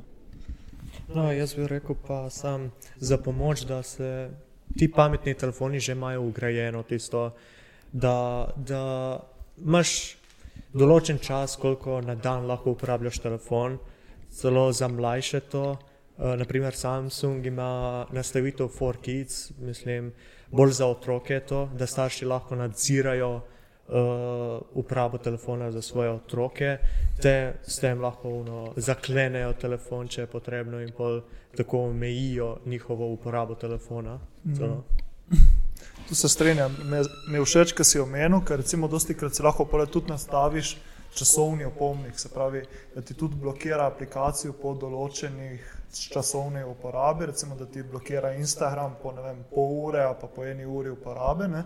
to je ena možnost, zdaj obstajajo tudi recimo aplikacije, Uh, zdaj sem pod sabo, kako se imenuje, mislim, da je One Moment ali nekaj takega, ali One Breath, ki v bistvu je aplikacija in potem naštimaš, jo povežeš na eno drugo socialno aplikacijo, recimo na Instagram. In vsakokrat, ko opreš Instagram, ti prisili, da narediš vdih, izdih in v bistvu v tem cajtu se ti še skalibriraš in pomisliš, aha, zakaj sploh grem na Instagram? In tu v bistvu tisto te pole prisili, da pomisliš, ama res rabim iti na Instagram ali samo to pač kot neka navada, oziroma dosti krat je za to uporabo socialnih omrežij, ko si jo pre, prej omenila, ne, da v bistvu je kot neka prokrastinacija, se pravi, ok, zdaj se rabim učiti, ma se mi ne da učiti, da moš samo na, telefon malo scrollaš, ne, tako da je fajn tudi pole raziskati, zakaj gremo toliko na telefon, pa dosti krat je pole lahko iščemo neko pozornost, pa recimo nam nekaj manjka v življenju, pa pole gremo na socialno mrežo, da dobimo to, tako da je fajn tudi tisto raziskati. A pa recimo ta, ki se veže na minimalni telefon, obstajajo tudi pole aplikacije oziroma tudi nastavitev telefonu, kjer ti pole barve telefona nastavijo na črno-belo. In če nastaviš recimo na črno-belo, so tiste aplikacije in vse tisto je ful manj privlačno. Zaradi tega, ker te aplikacije so naštemane tako, da tiste barve ti točejo možgane in ti šopejo dopamin. Ne? In ko odstraniš tisto, recimo, je pa dosti manj privlačno. Tako da ja. so taki triki majhni. Ne? A pa recimo prvi tak trik, ki ga vsi omenjajo, da si skenslaš nepotrebna obvestila. Ne? Se pravi, ne rabiš ti imeti obvestilo za vsak like, vsak koment na Instagramu, Facebooku. Ne? Ok, sporočila moš pustiti, ker pač še vedno so nekako potrebna. Ne? Mogoče da izklopiš grup ne? obvestila ne? in take stvari. Ne? Ne. Še kakšna ideja mogoče? Na TikToku mislim, da je bilo, zdaj sem mislim, da sklopljeno, jaz se zmislim, je bilo par mesecev nazaj še, da ti je po eni uri napisala, da si, eh, da si zdaj eno uro in mogoče se začne okej. cajta, ja. A, Instagram je isto. Ja, ja, ja. Ne, eh, Instagram je isto. Ja. Ja. Na TikToku je bilo in to A. Me je prav malo presenetilo, ko so prevodali. to. Ja, ja. ja, sigurno so pol skenslali. Ja, ja. Kontraproduktivno. Dva celo sem. um, Ja, Instagram je pa še vedno, ja, ker sem si naštel, da je v bistvu, če več kot 10 minut naenkrat uporabljam, me pole obvesti. Ne. Ja, In tisto me pole, aha, zdaj sem toliko cajt gor, zdaj. ja. Ja, no, to je bilo, na- pri TikToku ni bilo to treba nič naštemati. A, ok, po defaultu. Po defaultu, A, ja, to nisem ja. vedel. Ja, so, na, najbrž so rekli, da malo prav več. Ja, ja, ja. Sam sem šel šilce, ker je bilo tisto, mi opomnili. Ja, v bistvu vse, vsa, vsa ta, vse te aplikacije imajo v nastavitvah Mhm. za nastaviti, Ja. samo nobeden ti ne da po defaultu, Ja. zaradi tega, ker v bistvu njih, ni njihova um, Na meni. namen tega. Ne? Vse prvo nisem marmo, pa sem se malo zvedel, da sem bil že eno uro, pa sem se malo ustavil. Ja, se strinjam. Ja. Tako, um, hočeš kakšno mnenje, tle telefoni, socialna mreža in to, preko gremo na novo tematiko. Okay. Zdaj sem pa tle dal še uh, dve vprašanji, ki so, niso direkt vezani, ampak so še vedno v sklopu te tehnologije. in Tako, tako da lahko kdo je zdaj naslednji yes. za prebrati. Okay. To je zdaj v bistvu predzadnje vprašanje. Ali meniš, da je modra svetloba iz ekranov in zaslo, zaslonov sk- škodljiva? Uh, ja, ja, ja, ja, skrbim. Ja. Se zmislim, jaz, ko sem delal lani, smo imeli dva projekta, kar velika za delati pri programiranju. In sem bil kar po lahko tudi po cel dan na računalniku, ma sem mogel delati, jaz nisem hral. Pole, mislim, sem prišel na večer in me vprašal, si bil cel dan na računalniku? Pa sem rekel, ja, ko veš. Uh, smo prav rdeče oči, se prav vidi in tudi bolj cel tak truden rateš. Ja, zdaj, zdaj sem razmišljal, da bi se nabavil ene ta, te uh, modre uh, očala, ki so pomagajo proti modri svetlobi. Blue če blocking. Ja. Blue light blocking glasses. Ali se ti zdi, da negativno vpliva na te? Ja, po mojem, malo, malo pomaga. Se Zato sem rekel tudi, da si jih bom, da si jih bom kupil, ne, da bom šel slab, par 50, že slučajno, Ja. ja. 400, še kaj prej. Ne. Ja, ker že ta tam ima očala, dobro, mi nismo dobili, da imamo bolj, rekel imamo, da imamo bolj oči po njej. In, uh, ja, ja, prideš res prav tako se utrujen, če sploh res fulcate delaš in prav rdeče oči imaš. Ja. Kdo bi še kaj podelil? Kdo bo naslednji? Boš ti? No, kar ti boš. Uh, tudi jaz menim, da, modna, da modra svetloba je zelo škodljiva, predvsem zaradi tega, ker eh, naj bi uničevala, v bistvu kar sprošča uh, spalni hormon, vsaj tako sem nekje zasledil. Melatonin, ja. Uh, ja, hvala. In um, tudi zaradi sevanja, ne jaz budilko, ko si jo navijem telefon, odstranim čim bolj daleč od moje glave, kolikor upam. No, mi zelo ni prijetno spati s telefonom uh, blizu. Um, predvsem moje glave zaradi sevanja in tudi se mi zdi, da povzroča neko nemirnost v meni in posledično nespečnost.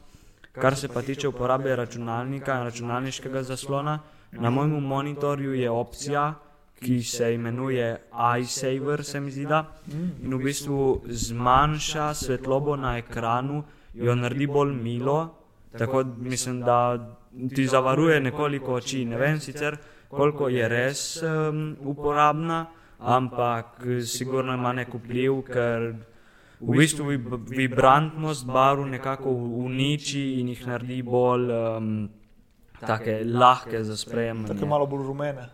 Ma niti ne bolj, Ne, to ne. meni, take malo bolj, meni se zdi, kot da jih naredi tako malo bolj sive, vse tako. tak malo zatemnjen ton jim doda. Okay. Jaz sem opazila, da če sem preveč časa na računalniku, oziroma na telefonu, kakorkoli, da začnem videti vse megleno. Tako, recimo, A. da imamo vem, prve štiri ure prakso v šoli, pa moram cel čas gledati račun na računalnik, pa še tiste mize so fuloske, pa prije računalnik ful blizu tvojega obraza. In pol kako hodim po hodniku, kar tako gledam, kot nek Kitajc, ki jaz res nič ne vidim, pa če vse me gledano. In pol mi reče človek, sem te videl, sem ti mahal, jaz enostavno ne vidim okolje in sem pravno. Je prav grozno. Ma- Imam tudi una blue light očala doma. Um, se mi zdi, da malo pomagajo. Mislim, zdaj ne morem reči, da vidim neko ful veliko razliko, v bistvu ne meni, jaz jih bolj malo, zato se počutim bolj kul cool z njimi. Kot je rekla, jaz si že od majhnega želim očala, ne vem zakaj. Ma, mi je ful, mislim, mi je fajn jih imeti. Ma, zdaj ne morem reči, da je neka ful velika razlika v njih. Lahko da je, lahko da imam jaz na ful poceni, ker sploh niso blue light, pa sem jih kupila samo zato, ker pač so očala, pa so me nategali, ne vem. Ma, v glavnem, ja, se mi zdi, kar vpliva na oči. Sploh se mi zdi zjutraj, Mm. ko so še tako zaspane oči, pa pol, če si celo jutro na telefonu, pol, t- da ni prav najboljše. Mm. No, ja, jaz bi samo rekel, da zdaj, ko tehnologija se napreduje in to, da zdaj delajo tudi te monitorje in te telefone za čim bolj manj te modre svetlobe, da vplivajo še UV žarke in to. Celo, kolikor vem, moj monitor ima celo isto opcijo kot pri Žanu, da lahko zatemnim ali pa da, da mi malo olajša ta monitor. Če ne, tudi Windows ima tudi neko uh, opcijo za uh, nočno svetlobo, ki po noči ti zatemni, dobro, to je bolj zatemnito, ma ti tudi pomaga. Če to sem že bral tam pod Windowsom, da ti tudi nekako pomaga za, proti tej modri svetlobi, celo po noči, ker uh, vedno po noči je bolj svetlo, zaslon in pol se pol tako navadiš. Celo. Ja, ko v bistvu največji problem pri tej modri svetlobi je, ker tako močna ti intenzivni mo moč, uh, modri žarki v bistvu imitirajo sonce. In če mi gledamo po noči, naše možgani pole mislijo, da je še vedno dan in pole tudi slabše spimo, kot sem omenil, pole v bistvu melatonin se ne sprošča, melatonin je pole spalni hormon, če nimamo melatonina, slabše spimo, manj globoko spimo in pole tudi naše oči do naslednjega dneva se ne morejo um, rekuperirati oziroma uh, recovery. Ja, da, um, me je zanimivo, ker si omenil to, mod, uh, to, ta program. Je v bistvu tudi na telefonih imamo te najčifte in vse, kar se lahko pole. Uh, poleta, v bistvu, sicer ne vem, ker ne, ne poznam znanosti od zadaj, koliko to dejansko učinkuje, ampak je sigurno boš, da gledaš malo bolj rumeno svetlobo, malo bolj oranžno kot tisto plavo. Ne. In če ne zmanjšaš dol malo svetlost, ne, Tako da fajn vedeti, da delajo tudi monitorje, ki so bolj prijazni očem. ne. Tako Da, ja. Zdaj, jaz sem bral neke članke, lih o tej modri svetlobi in je vedno bolj. Uh, zdravniki vedno govorijo, da preden gremo spat, vsaj dve uri, da nismo na računalniku ali pa na telefonu, in pol, ko gremo spat, je vse normalno, lepo se prav spočiješ. Tako. Tudi če spiš, ne vem, kakšne šest ur, se prav odpočiješ od tega računalnika in vse to. Vam uspeva pred spanjem ne biti na telefonu. Ne. Ne. Se tu imamo vsi problem. Ne. ja. Mislim, da je zadnja stvar, ki grem pač preko zaspim, je to, da ugasnem vse na telefonu, da sklopim Wi-Fi, da mi ne hodijo sporočila, da odpišem še na zadnje sporočila. To je pravno zadnja stvar, preko grem spat. Ja. Ja, to je zdaj celo nova funkcija pri Samsung telefonih, so dodali, da lahko nastaviš, kdaj se ti pač tako, da ti uh, telefon blokira message in tako. A, okej. Jaz imam nastavljeno, da mi že kdaj ob uh, 10, 11, vse do 7 zjutraj, da mi ne dobiva nobenih sporočil ali kaj takega, sam budilka mi dela in to je to. Da in pol tako ne dobivam kakih vibracij ali pa kaj takega, notifikacij in to, da mi vse to zablokira in pol, da se lahko že tako telefon odstranim proč in pol, kadar grem spat, je vse tako odpočijem in to. Mm, ja. Ja, se v bistvu je težko, nekaj, v bistvu ta telefon je navada. Ne, tako da, v bistvu, če nočemo biti na telefonu pred, uh, pred spanjem, treba narediti neko novo navado. Ne, mogoče je recimo kakšno knjigo, ne, a pa recimo, da se prebere malo knjige pred spanjem, s tistem se pole lažje umiri, a pa recimo, da ponovimo vem, zadnje, zadnji snov še enkrat, a pa recimo nek, nek, neko alternativo je treba dobiti, ker ni dovolj samo, da se ne uporablja telefon, nekaj pole bo nekaj ne manjkalo, treba dobiti neko alternativo. Ne, To je pa ta, ki pravijo, nočna rutina, ne, da se dobi nekaj, kar se pole tudi možgani malo umirajo. Nekaj pa navadi, če gledaš TikTok, pa Instagram tik pred spanjem, ne, ti sprošča hormone, ne, kortizol, pa eh, dopamin, in se težko umiri, slab spiš in uh, tako naprej. Njema se mi zdi, da dosti ljudi uporablja to uspavanko, kako bi to rekli. Mm, ja, dosti ljudi si upali, ne vem, YouTube da zaspi, ko pač ti daš posnetek in gledaš in pol te uspava. Ali pa da gledajo TikTok, mislim pa TikTok moraš že imigati, ne da pač skrojaš naprej. Ma se mi zdi, da tudi jaz doskrat opazim, da me mm. ful uspava to, da gledaš posnetke toliko časa. Mislim, jaz se ne poslužujem tega, jaz raje zaspim brez telefona. Mm. Ma se mi zdi, da dosti ljudi to uporablja, kot mm. neko uspavanko. Ja, samo res, to res je. Ja. Ko v bistvu ne rabiš nič razmišljati in poleti sajt, ki samo skrolaš, se ti tudi možgani pole umirajo. Ja, samo meni se to ne zdi. Pač ni fajn, ker v bistvu ti vseeno, če jih nezavestno te informacije predeluješ, jih pa pole podzavestno. Ne? In v bistvu v vsakem primeru je nek ti skrola skozi, ne? če prosto tega ne zavedaš ali ne. ne? Ne. Okay, mogoče še kakšno mnenje tle, če ne, ne, to je to. Pole gremo še na zadnje vprašanje, ki je tako izven, do, do ja. kar smo tle govorili zdaj. Ja, se bomo vrnili na temo za AI. Uh, kakšno je tvoje mnenje glede AI tehnologije ali drugače artif, uh, artificial intelligence? No, AI, kot, kot smo že na začetku govorili, da je kar uporaben, tako da ti pomaga dobiti kakšne informacije, celo mi, zdaj programeri, ki v šoli se učimo na novo vse to, da uporabljamo to, da nam celo če ne vemo, kaj, kako narediti, uh, s tem AI-jem, nam že da kako kodo in pol mi to kodo nekako uh, jo preberemo, jo nekako razumemo, kako je naredil, če nam kaj ne paše, pol uh, vprašamo, naprimer ta chat GPT, ki je bil ustvarjen, je zelo dober, ker ga celo samo uporabljam za naloge pri šoli. Mi da neko rešitev, pol jaz to rešitev lahko uporabim in ali je to zdaj v redu ali ne, pač, če mi prav prije. In še, kakšno misliš, da je njegova prihodnost? Ja, mislim, da so dobri in slabi znaki. Dobri, ja, ti pomaga, kot sem že rekel, uh, ti primaga, pomaga pri različnih delih, slabo pa bo, da lahko.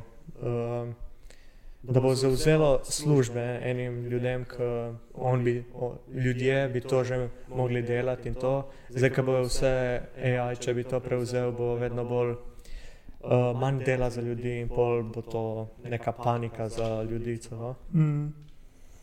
Ja. Kdo bi še podelil mnenje naslednje? Ja, eh, prihodnost, kot sem že rekel, ne bo še surno, bo z isto s kvantnim računalnikom. Ma, Ma pa tudi nekaj slabosti, ja, moram priznati. So eni, uh, eni uh, te jajke, naprimer, sem videl, z, sem videl nekje, sem videl nekje, da so neke novice, da so naredili baje jajka, lahko sleč punce in to je ni v redu. A res? Ja. A, okay.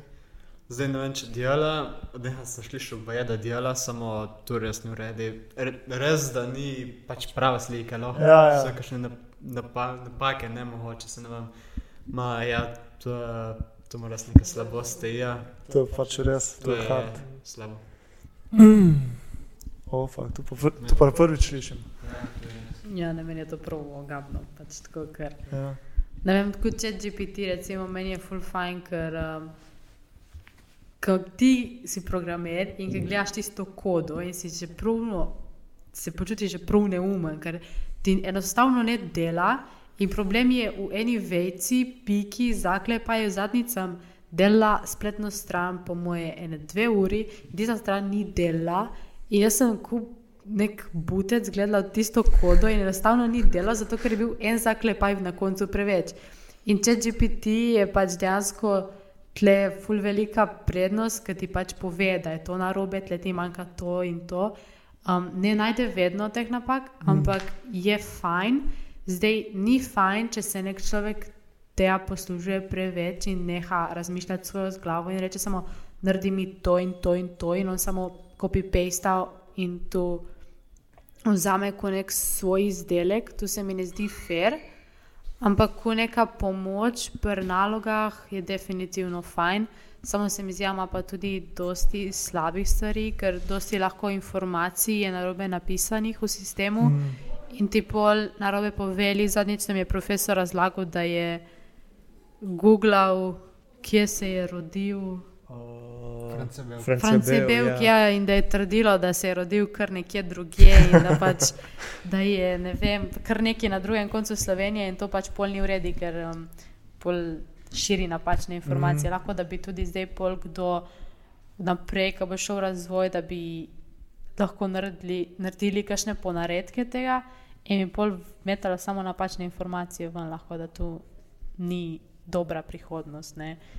Ma tako kuš v šoli je pa dosti krat fajn. Ja.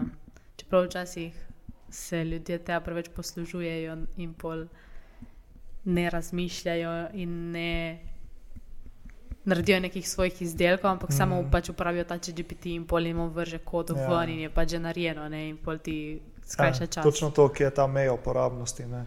Ali narediš uno ali. To dosti krat, spoh sem govoril z eno učiteljico, glede tega, če GPT je rekla, da je ona je full proti, ampak jaz pa nisem toliko proti, ker recimo, če GPT ti lahko pa, recimo, če ga pravilno uporabljaš, ti recimo, ok, noben mu ni všeč pisati spise v šoli, ne? ampak namesto, da ti prosiš če GPT, da ti spiše cel spis, spis, mogoče ga prosiš samo za glavne ideje ne? in v bistvu ga prosiš, da ti pomaga začeti, lahko se dosti integrira ta stvar. Ne? Mislim, najlažje je polega prositi ne? in pa s tem se spodbuja ta uh, laziness, ne? se pravi, da si ti len, ne?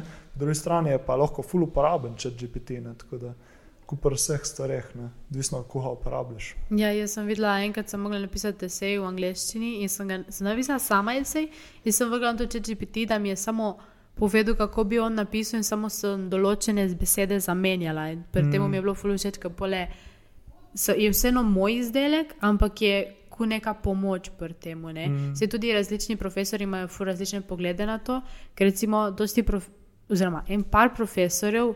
Je prav izreklo, pač uporabite če GPT, to ni proti pravilom, mm. ampak ne zdaj, da pač še zmeraj mora biti vaš izdelek. Eni profesori so tako definitivno pravno proti, strogo proti, da se mm. jim pač to zdi ne, ampak te večinoma profesori stroke pa vidijo dosti potencijala v tem. Zdaj ne za goljufanje, ampak tako za dejansko pomoč pri teh nalogah, ki so dejansko zahtevne. Mm. Hkrati pa, ko si omenila, da treba biti pozorni pri tem, neko v bistvu če GPT je. Nek povzetek splošnega znanja na internetu. In če nek, nek podatek na internetu napačen, bo tudi on povedal napačno. Podobno je bilo z Wikipedijo pred leti. Ne ker sem bil še jaz v srednji šoli, smo dosti krat hodili na Wikipedijo po stvari, ne? ampak tam so pa v bistvu isto ustvarjali ljudje, ljudje za ljudi. Ne? V bistvu hitro se je zgodila kakšna napaka in ti si jo pole skopiral. Oziroma, tako da tudi pri tem, če GPT-ju je treba biti pozoren. Recimo, jaz, ki pišem razne stvari. Dosti krat pole prosim, da če mi pove, kakšno študijo, pa tako, ampak pole moram jaz tjet preveriti to študijo. Je to res, ali se je v bistvu on zmislil, ne? Ko v bistvu, če jaz bom pisal naprej o te študije in v bistvu spohni bila resnična, ne bom v bistvu jaz pole v težavah, ne? Mislim tako karikirano, ne? Tako da, ja. Evo, še tvoje uh, mnenje. Torej, um, povedali smo že marsikatero prednost in slabost. Jaz bi še omenil to slabost, da bi lahko v prihodnosti tudi za, zaradi AI-ja prišlo mogoče do zlorab. Lani smo pri informatiki govorili o v bistvu temu, kako se kako umetna inteligenca um, ustvarja podobe ljudi iz resničnega življenja in jih ustvarja vedno bolj resnične, ne tudi po izgledu. Danes še lahko ločimo recimo med uh, osebo, ki jo je generiral AI ali pa eh, osebo iz resničnega življenja. Samo lahko, da čez nekaj let, mogoče že v bližnji prihodnosti ali pa celo v daljni prihodnosti, ne bomo več mogli ločiti navadnega človeka in tistega, ki ga je ustvaril AI, in isto velja za fake news, torej lažne mm. novice. Zaenkrat, že zdaj so precej, oziroma vsaj izgledajo precej verjetne, lahko da bojo takrat, oziroma enkrat v prihodnosti, o tem smo se pogovarjali, profesor je tudi povedal svoje mnenje. Da v prihodnosti mi, kot današnje generacije in generacije za nami, ne bojo več vedele, ali sploh se soočajo z resničnimi informacijami in dogodki, ali so jim podane same laži. V glavnem lahko bi se tako, to tako zlorabilo, da bi posledično ljudje živeli v resnični laži. Mm. Ja, se strinjam. Ja.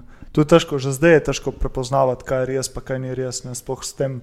Dobro, ajde, tiste Photoshope in to že vidiš, oziroma tiste slike, ki so ustvarjene z AI, vidiš, da to ni ustvaril človek. Ampak recimo, kakšne skladbe se spomnim, kakšne pol leta nazaj, ki so naredili AI, je naredil skladbo Jay-Z-ja in si mislil, da res pač v bistvu Jay-Z poje tisto, ampak v bistvu je ustvarila umetna inteligenca, ne, tako da je kar, je kar skeri. Ne.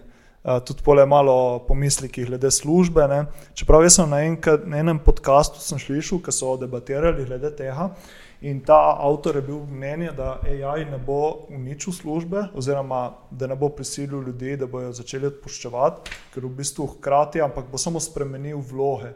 Se pravi, tisti, ki so prišli na pripravništvo, se bodo učili od AI-ja in od tistih, ki so prišli na pripravništvo. Ampak samo malo se bodo spremenile vloge. Mogoče bodo tisti pripravniki dobili neko vlogo, da pač integrirajo oziroma se učijo AI.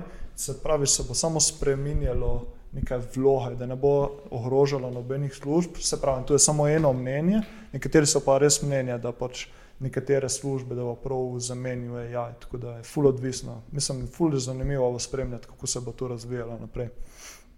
Kakšne AI recimo uporabljate? Zdaj smo že parkrat omenili chat GPT, še kakšen?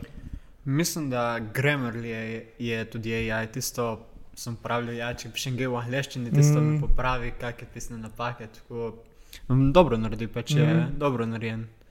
Sem pa videl tudi enkrat, nek, uh, nek sem, nek, sem že, v bistvu, da ta eh, AI eh, z- igra ful dobro šah, ne? Mm. so ful dobri v šahu, ne? In tako pri človeku pač bo itak, uh, bo človek zgubil zmeraj, ne? In se je pokazalo tudi, da se prav poleg ta AI naučil igrati prav zelo elegantno šah. Mm. Da se je naučil, ja, in ko jih premaha, in se mi zdelo ful zanimivo. O, zakon. Ful elegantno, ja, tako. Če GPT je, se mi zdi tudi v redu. Jaz za v bistvu uporabljam tako, kot rekla Nika, ne za popravljanje napak, če imam kakšne tudi pri programiranju, ki gledaš, ne najdeš. Je, če mu daš kakšne bolj zahtevne, tako bolj dolge, si skoraj verjetno ne bo naredil, ne. Bolj ga uporabljam za nove ideje, da mi da, ne, mm. za programiranje moče, kako, ko- kako funkcije, ki jih nisem še nikoli videl, ne. Mm. In mi da te ideje in je full ured, ja, na, na tem področju. En zanimiv je tudi iz področja matematike, ne vem, če poznate, Astra AI. A, ja, ja. Je, recimo, tu je pa ustvarja ta slovenc, Andrej Škraba. Ja, jaz sem ga uporabljal Ja. ja. parkrat. Ja. Ja. Kar v redu. Dober, kakšna je izkušnja? Redu, čeprav zadnjič, ki sem prav uporabljati, sem vprašal, če mi naredi eno simpel, mi reši, nek, okay. samo da mi skrajš, pač, uh, da mi da en, en uh, v bistvu množenje dveh, uh, dveh uh, teh lomkov. Ne? In pač, ok, začne pisati, ne, in pa kako bi ti nadaljeval. Ne? Pa sem rekel, jaz sem že zročen, sam, samo napiši mi, ne. Pol mi začne spet od začetka, kako bi ti nadaljeval. Enih trikrat samo, pol minute, ki zmanjkalo poskusov, ki jih imaš samo pet na mestu. A, okay. A ja, če free version. 20, ka. Ja, 20, eh, 20 na mestu, mislim, da je. Aha. No, no, zanimivo. Če ne, pa v redu rešil, drugače samo tisti dan imel malo, imel malo slab Ni bil, ni bil Ni dneva. imel pri sebi, ja, prav. Ja, vem, uh, jaz, ko sem enkrat scrollal prek TikToka, sem dobil, uh, nekdo je objavil vse zastojne te AI-je, ki lahko vsak ti nekaj naredi. Uh, kot če GPT za vse, uh, Grammarly za besedilo, celo neke, da dobiš knjigo nekje in vse to. In zdaj, eni ti, ki sem jih še sam šel probat testirati, če to sploh deluje, kolikor sem videl, so bili za plačati. Ali kaj takega, ti bolj napredni so za plačati. Mislim, dobiš free trial, sam v tistem free trialu ne dobiš dovolj informacij, če je to zanesljivo ja ali ne. Drugi, pa ki sem šel gor, so samo neke lažne informacije Mhm. dane. Naprimer, če sem šel za neko knjigo, da mi na kratko opiše to knjigo, sem dobil o neki peti knjigi, ki sploh ni res, ali pa dobim neke lažne informacije, kar se sploh ni zgodilo v tej knjigi. Tako in pol, kaj za matematiko celo. Uh, sem našel spletno stran, sem dal račun notri in mi je dalo prav nek peti odgovor.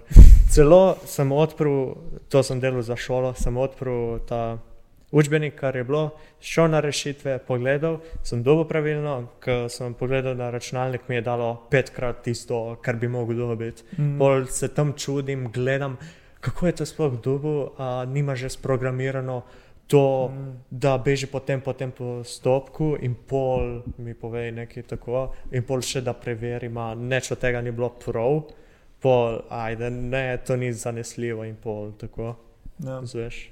Ja, se mi zdi, večina teh dobrih uh, AI programov so vsi plačljivi, zaradi tega, ker te stvari se tu verjetno poznaš, vi ste boš od mene, so full dela, verjetno full to drage, ne, nekako morajo narediti pole business plan, da pač se, se jim vrne noter, ne tisto. Ja. Če GPT je eden, se mi zdi redkih, ki lahko res za splošno populacijo, če ne rabiš ti neke več met, je zastojn. Bolje je ok, če rabiš neke integracije ostalih appov, pa če rabiš biti pole developer, pole itak je uh, paid, ampak če ne, se mi zdi eden redkih, nekaj je tako brezplačen. Ne. Ja. Ja, se zdaj ChatGPT ima dve verziji. Verzija 3.5, mislim, da je. Ta je za ston, to lahko Mm. uporabljamo vsi. In če ne, je še verzija ChatGPT 4, ki je bolj, uno, bolj napredna, ampak je bolj za plačati. Ja, tisto je pole tudi integracija Ja, Apple noter. Ne. bolj natančne informacije Ja. ja. in vsega tega, ker če GPT nima lih dostop do vseh spletnih strani, mm. da dobi informacije, ker to bi že bilo uno, nezakonito. Ja, mislim, da ti tudi sam chat GPT, če uporabljaš 4.5, do neke točke ti da samo govor, pole pa reče, ja, veš za več, pa moraš pole upgradati. ne. Ja. Tako da tudi pole, tu je tudi spet biznis model od zadaj. Pa štirka ima tudi do pač, eh, nove podatke skozi, do sedaj, ka troj, 3.5 A, ja. ima samo do, mislim, do 2021. Mm. Prej nima, A, okay. ne, ne ve pole. ja, ja. Ja, pa zdaj mislim, da se tudi razvija nov ali že ta 4.0, da ima že podporo, da tudi pole integracija z, če si ti recimo developer, lahko poleha integriraš noter za razvijati svoje lastne epe. To sem videl recimo zadnjič na TikToku, da zdaj bo full boom s temi novi AI, zaradi tega, ker so oprli to. In ti, če si developer, lahko pole začneš vključevati čet noter v svoj develop, development program, tako da zdaj bo full boom tega. Ja. Tako da. Ja, zanimivo. Recimo, jaz lahko delim še, kakšne uporabljamo, predvsem tle za podcast. Zdaj sem pred kratkim uh, dubu enega novega ven, je v bistvu su, Submagic. In v bistvu ti daš noter krat video posnetek in ti avtomatsko pole napiše captione. In je fajn, ker je tudi podpora slovenščine. Full cajt sem iskal, ker recimo ti klip in to vzame full cajt za delati. Ne. Se recimo prej je delala Hanna in ve, koliko recimo je delala en klip po eno uro, zdaj s tem recimo ta novim AI-jem samo zrežeš recimo posnetek ven, a daš noter na spletno stran in ti pole avtomatsko naredi uh, captione. Malo moš sicer popraviti in tako ima pršpara pa full cajt. Je sicer tako 20 evrov na mesec, ampak je full dobro, ker je tudi recimo podpora slovenščine, ki ponavadi ni. Ne. Um, tako da ja, in tudi to pole od te jaja. No. Um, Nekaj smo se pole menili za podcast, da bi uporabili za editing in to, ampak eh, še vedno se mi zdi, da je bojši, da jedejo tam sami, ker AI-ju manjka, tako smo že prej omenili, ta čustvena komponenta oziroma kreativna komponenta. ne. Um, ker pač, mogoče se bo scajta naučila, ne, ta tehnologija, pa, pa tudi ne. ne. Kakšno je vaše mnenje glede tega? Ja, jaz bi rekel, da to mislim, za editanje ni prav zanesljivo, lih, morda ti lih da uni del, ki ga ti nočeš notri, in pol kadar daš to na YouTube ali nek social media, pol zgledaš neumno v tistem delu. Ja, v bistvu v tako- vsakem primeru moraš iti skozi še enkrat in Ja, je. moraš še sam preveriti, če je to lih uredi, če ni, moraš iti ti in pol v- sam popravljati. vse tako, to. ja. Ja, po mojem se bo izboljšala to tudi za editing. Sigurno. V bistvu to rabi samo zmeraj več in več podatkov. Več kot je podatkov, bolj natančen je. ne. Mm. Tudi smo gledali, um, en moj prijatelj se je se nožen AI, ne. Imaš mikrofon, ne, okay. briskom in se ti spremeni glas, ne. A, In uh, pole sem, mislim, se je dal kot Leonardo DiCaprio, smo se Mm. ni šlo prav dobro, ne. Potem se je dal kot en uh, YouTuber, ki pač ti kaže tudi, koliko videoposnetkov je bilo, ne. Pač zato, koliko hla, glasovnih, ne, da jih Mm. prepozna. Leonardo DiCaprio imel ene tri posnetke po eno minuto, ne. Pol je dal en uh, YouTuber, ki jih je imel dosti več, ne točno koliko. In se je slišalo dejansko, s- dobro malo je bilo razlike, ne, se je slišalo, ko je bilo, ne. mm. Ko, prav ko on se je slišalo. In je bilo zanimivo za slišati. Ja, zdaj mislim, da obstajajo tudi AI, lih tako zadnjič na TikToku. Vse TikTok je ful uporaben pač za take nove informacije, samo ga moraš pametno uporabljati. Ne. Sem videl, da obstajajo zdaj AI, ki so tako dobri, da v bistvu ti govoriš, recimo zdaj bi govoril v slovenščini in pole bi rekel, prevedi mi tu v angleščino. V bistvu ti prevede tvoj govor in hkrati ustnice ti tako naredi, da v bistvu sploh se ne loči od tega, ali je to realno, je to je naredil AI, je prišlo do te stopnje že. Ne. V bistvu ti lahko govoriš vem, v slovenščini in rečeš, ok, prevedi mi tu v angleščino in ti bo naredilo angliški video posnetek. Je pač tako fuluno. Ja, ful je scary po eni strani. Ja, tako da.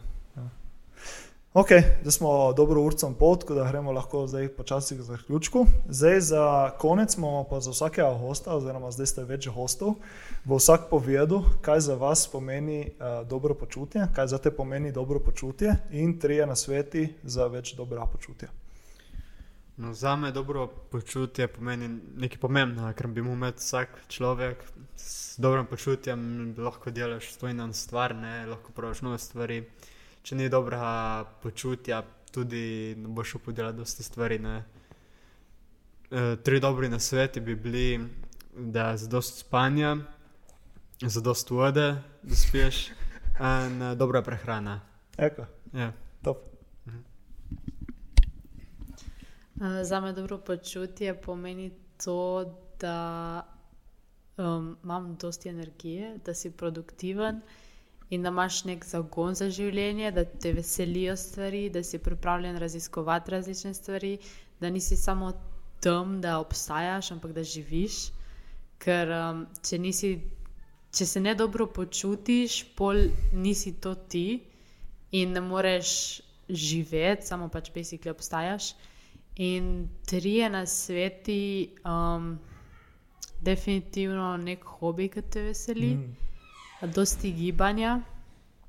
In um, meni predstavlja spanje dosti za dobro počutje, ker če nisi naspan, enostavno, vsaj jaz osebno, če nisem naspana, ne morem funkcionirati. Pa tudi vidim zdaj, jaz sem že od majhnega navajena dosti se gibati.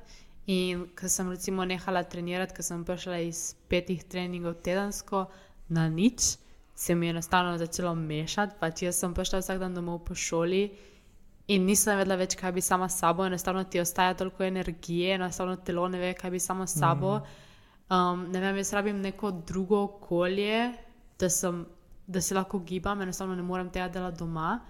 Um, tako da mi fitness predstavlja definitivno nek, neko um, nek safe place, da lahko mm. grem tja, da dam vso energijo ven in da pol se dobro počutim. Nice. Ja, dobro počutje za me pa, ne vem, uh, ko naredim nek spomin s prijateljem, nek vesel spomin, uh, kako se družimo lepo in to mi daje neko veselje in to skupaj, mislim, to mi ostane v spominu do svojih let in tako, ja. Zdaj, uh, hmm, kaj pri, priporočam? Ja, bi rekel, da se zabavaš čim več v svojem življenju, kot je Nika že rekla, hobi in to. Uh, a in še, da delaš tisto, kar te zabava. Mm. Mislim, da se ne ukvarjaš z unim, kar te ne, nisi prav s tem. Naprimer, dobro, zdaj za šolo domače naloge, če te ne prav zanima. To naredi, pol, pol ne bo šlo lih dobro naprej. Ja. Ok, top, hvala. Torej, dobro počutje za me je seveda pomembno zaradi samega delovanja. Bolje kot se jaz počutim, bolj sem efektiven, več dela opravim. Tudi kot je omenila Nika, moram biti poln energije, če hočem nekaj narediti. Nekaj me res more zanimati, še posebej se počutim dobro, ko opravljam stvari, ki me zanimajo v bližini ljudi, ki, v bistvu, ki jim nekaj pomenim, recimo mojim prijateljem. Uh, svetoval pa bi, kar se tiče dobrega počutja, res uh, spanje je pomen, kot sta omenila Reženika in Jaša. Um, še pa jaz sicer uh, ne spim ogromno po noči, spim recimo 6 do 7 ur, si pa posledično zaradi tega vzamem uh, čas po šoli, recimo eno, eno uro počitka in potem nadaljujem s svojim delom tudi pozno v noč, če nimam druge opcije, no.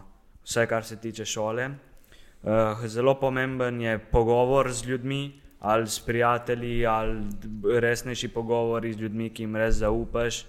Ne vem, menim, da če daš ven svoje probleme, če se z nekom pogovoriš o problemih, o tvojih stiskah, da je tebi lažje, si tudi posledično bolj sproščen. Mm. In ja, tudi jaz menim, da so tudi aktivnosti oziroma dejavnosti, ki v bistvu povzročijo, da nekako odmisliš v stres in pritisk vsakdanjega življenja, res sproščujoče. Recimo, jaz, kot sem omenil, v prostem času streljam in vmes streljanja pozabim na šolske dejavnosti, na stres, na karkoli, na težke situacije in res lahko. Na tem, da mislim, s tem delam na sebi in tudi na svoji koncentraciji, recimo pri streljanju moram biti res koncentriran in zbran, da zadanem center tarče, oziroma vsaj da dobim dober rezultat. No. Evo, super. Top.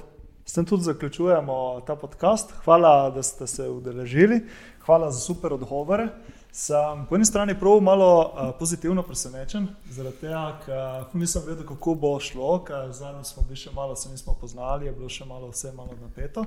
Ampak sem full impresiran nad tem, kako razmišljate. Za svoje leta ste full uh, razgledani, pa full um, pametno razmišljate o teh stvareh, tako da vidim, da imate lepo prihodnost pred sabo, tako da kar tako naprej.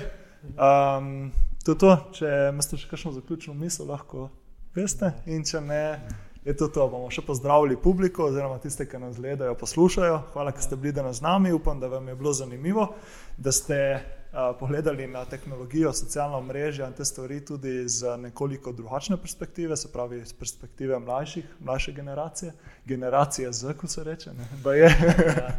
Tako da to je to. Upam, da vam je bilo zanimivo. Hvala za poslušanje, gledanje in se vidimo naslednjič. Čau, čau. uh,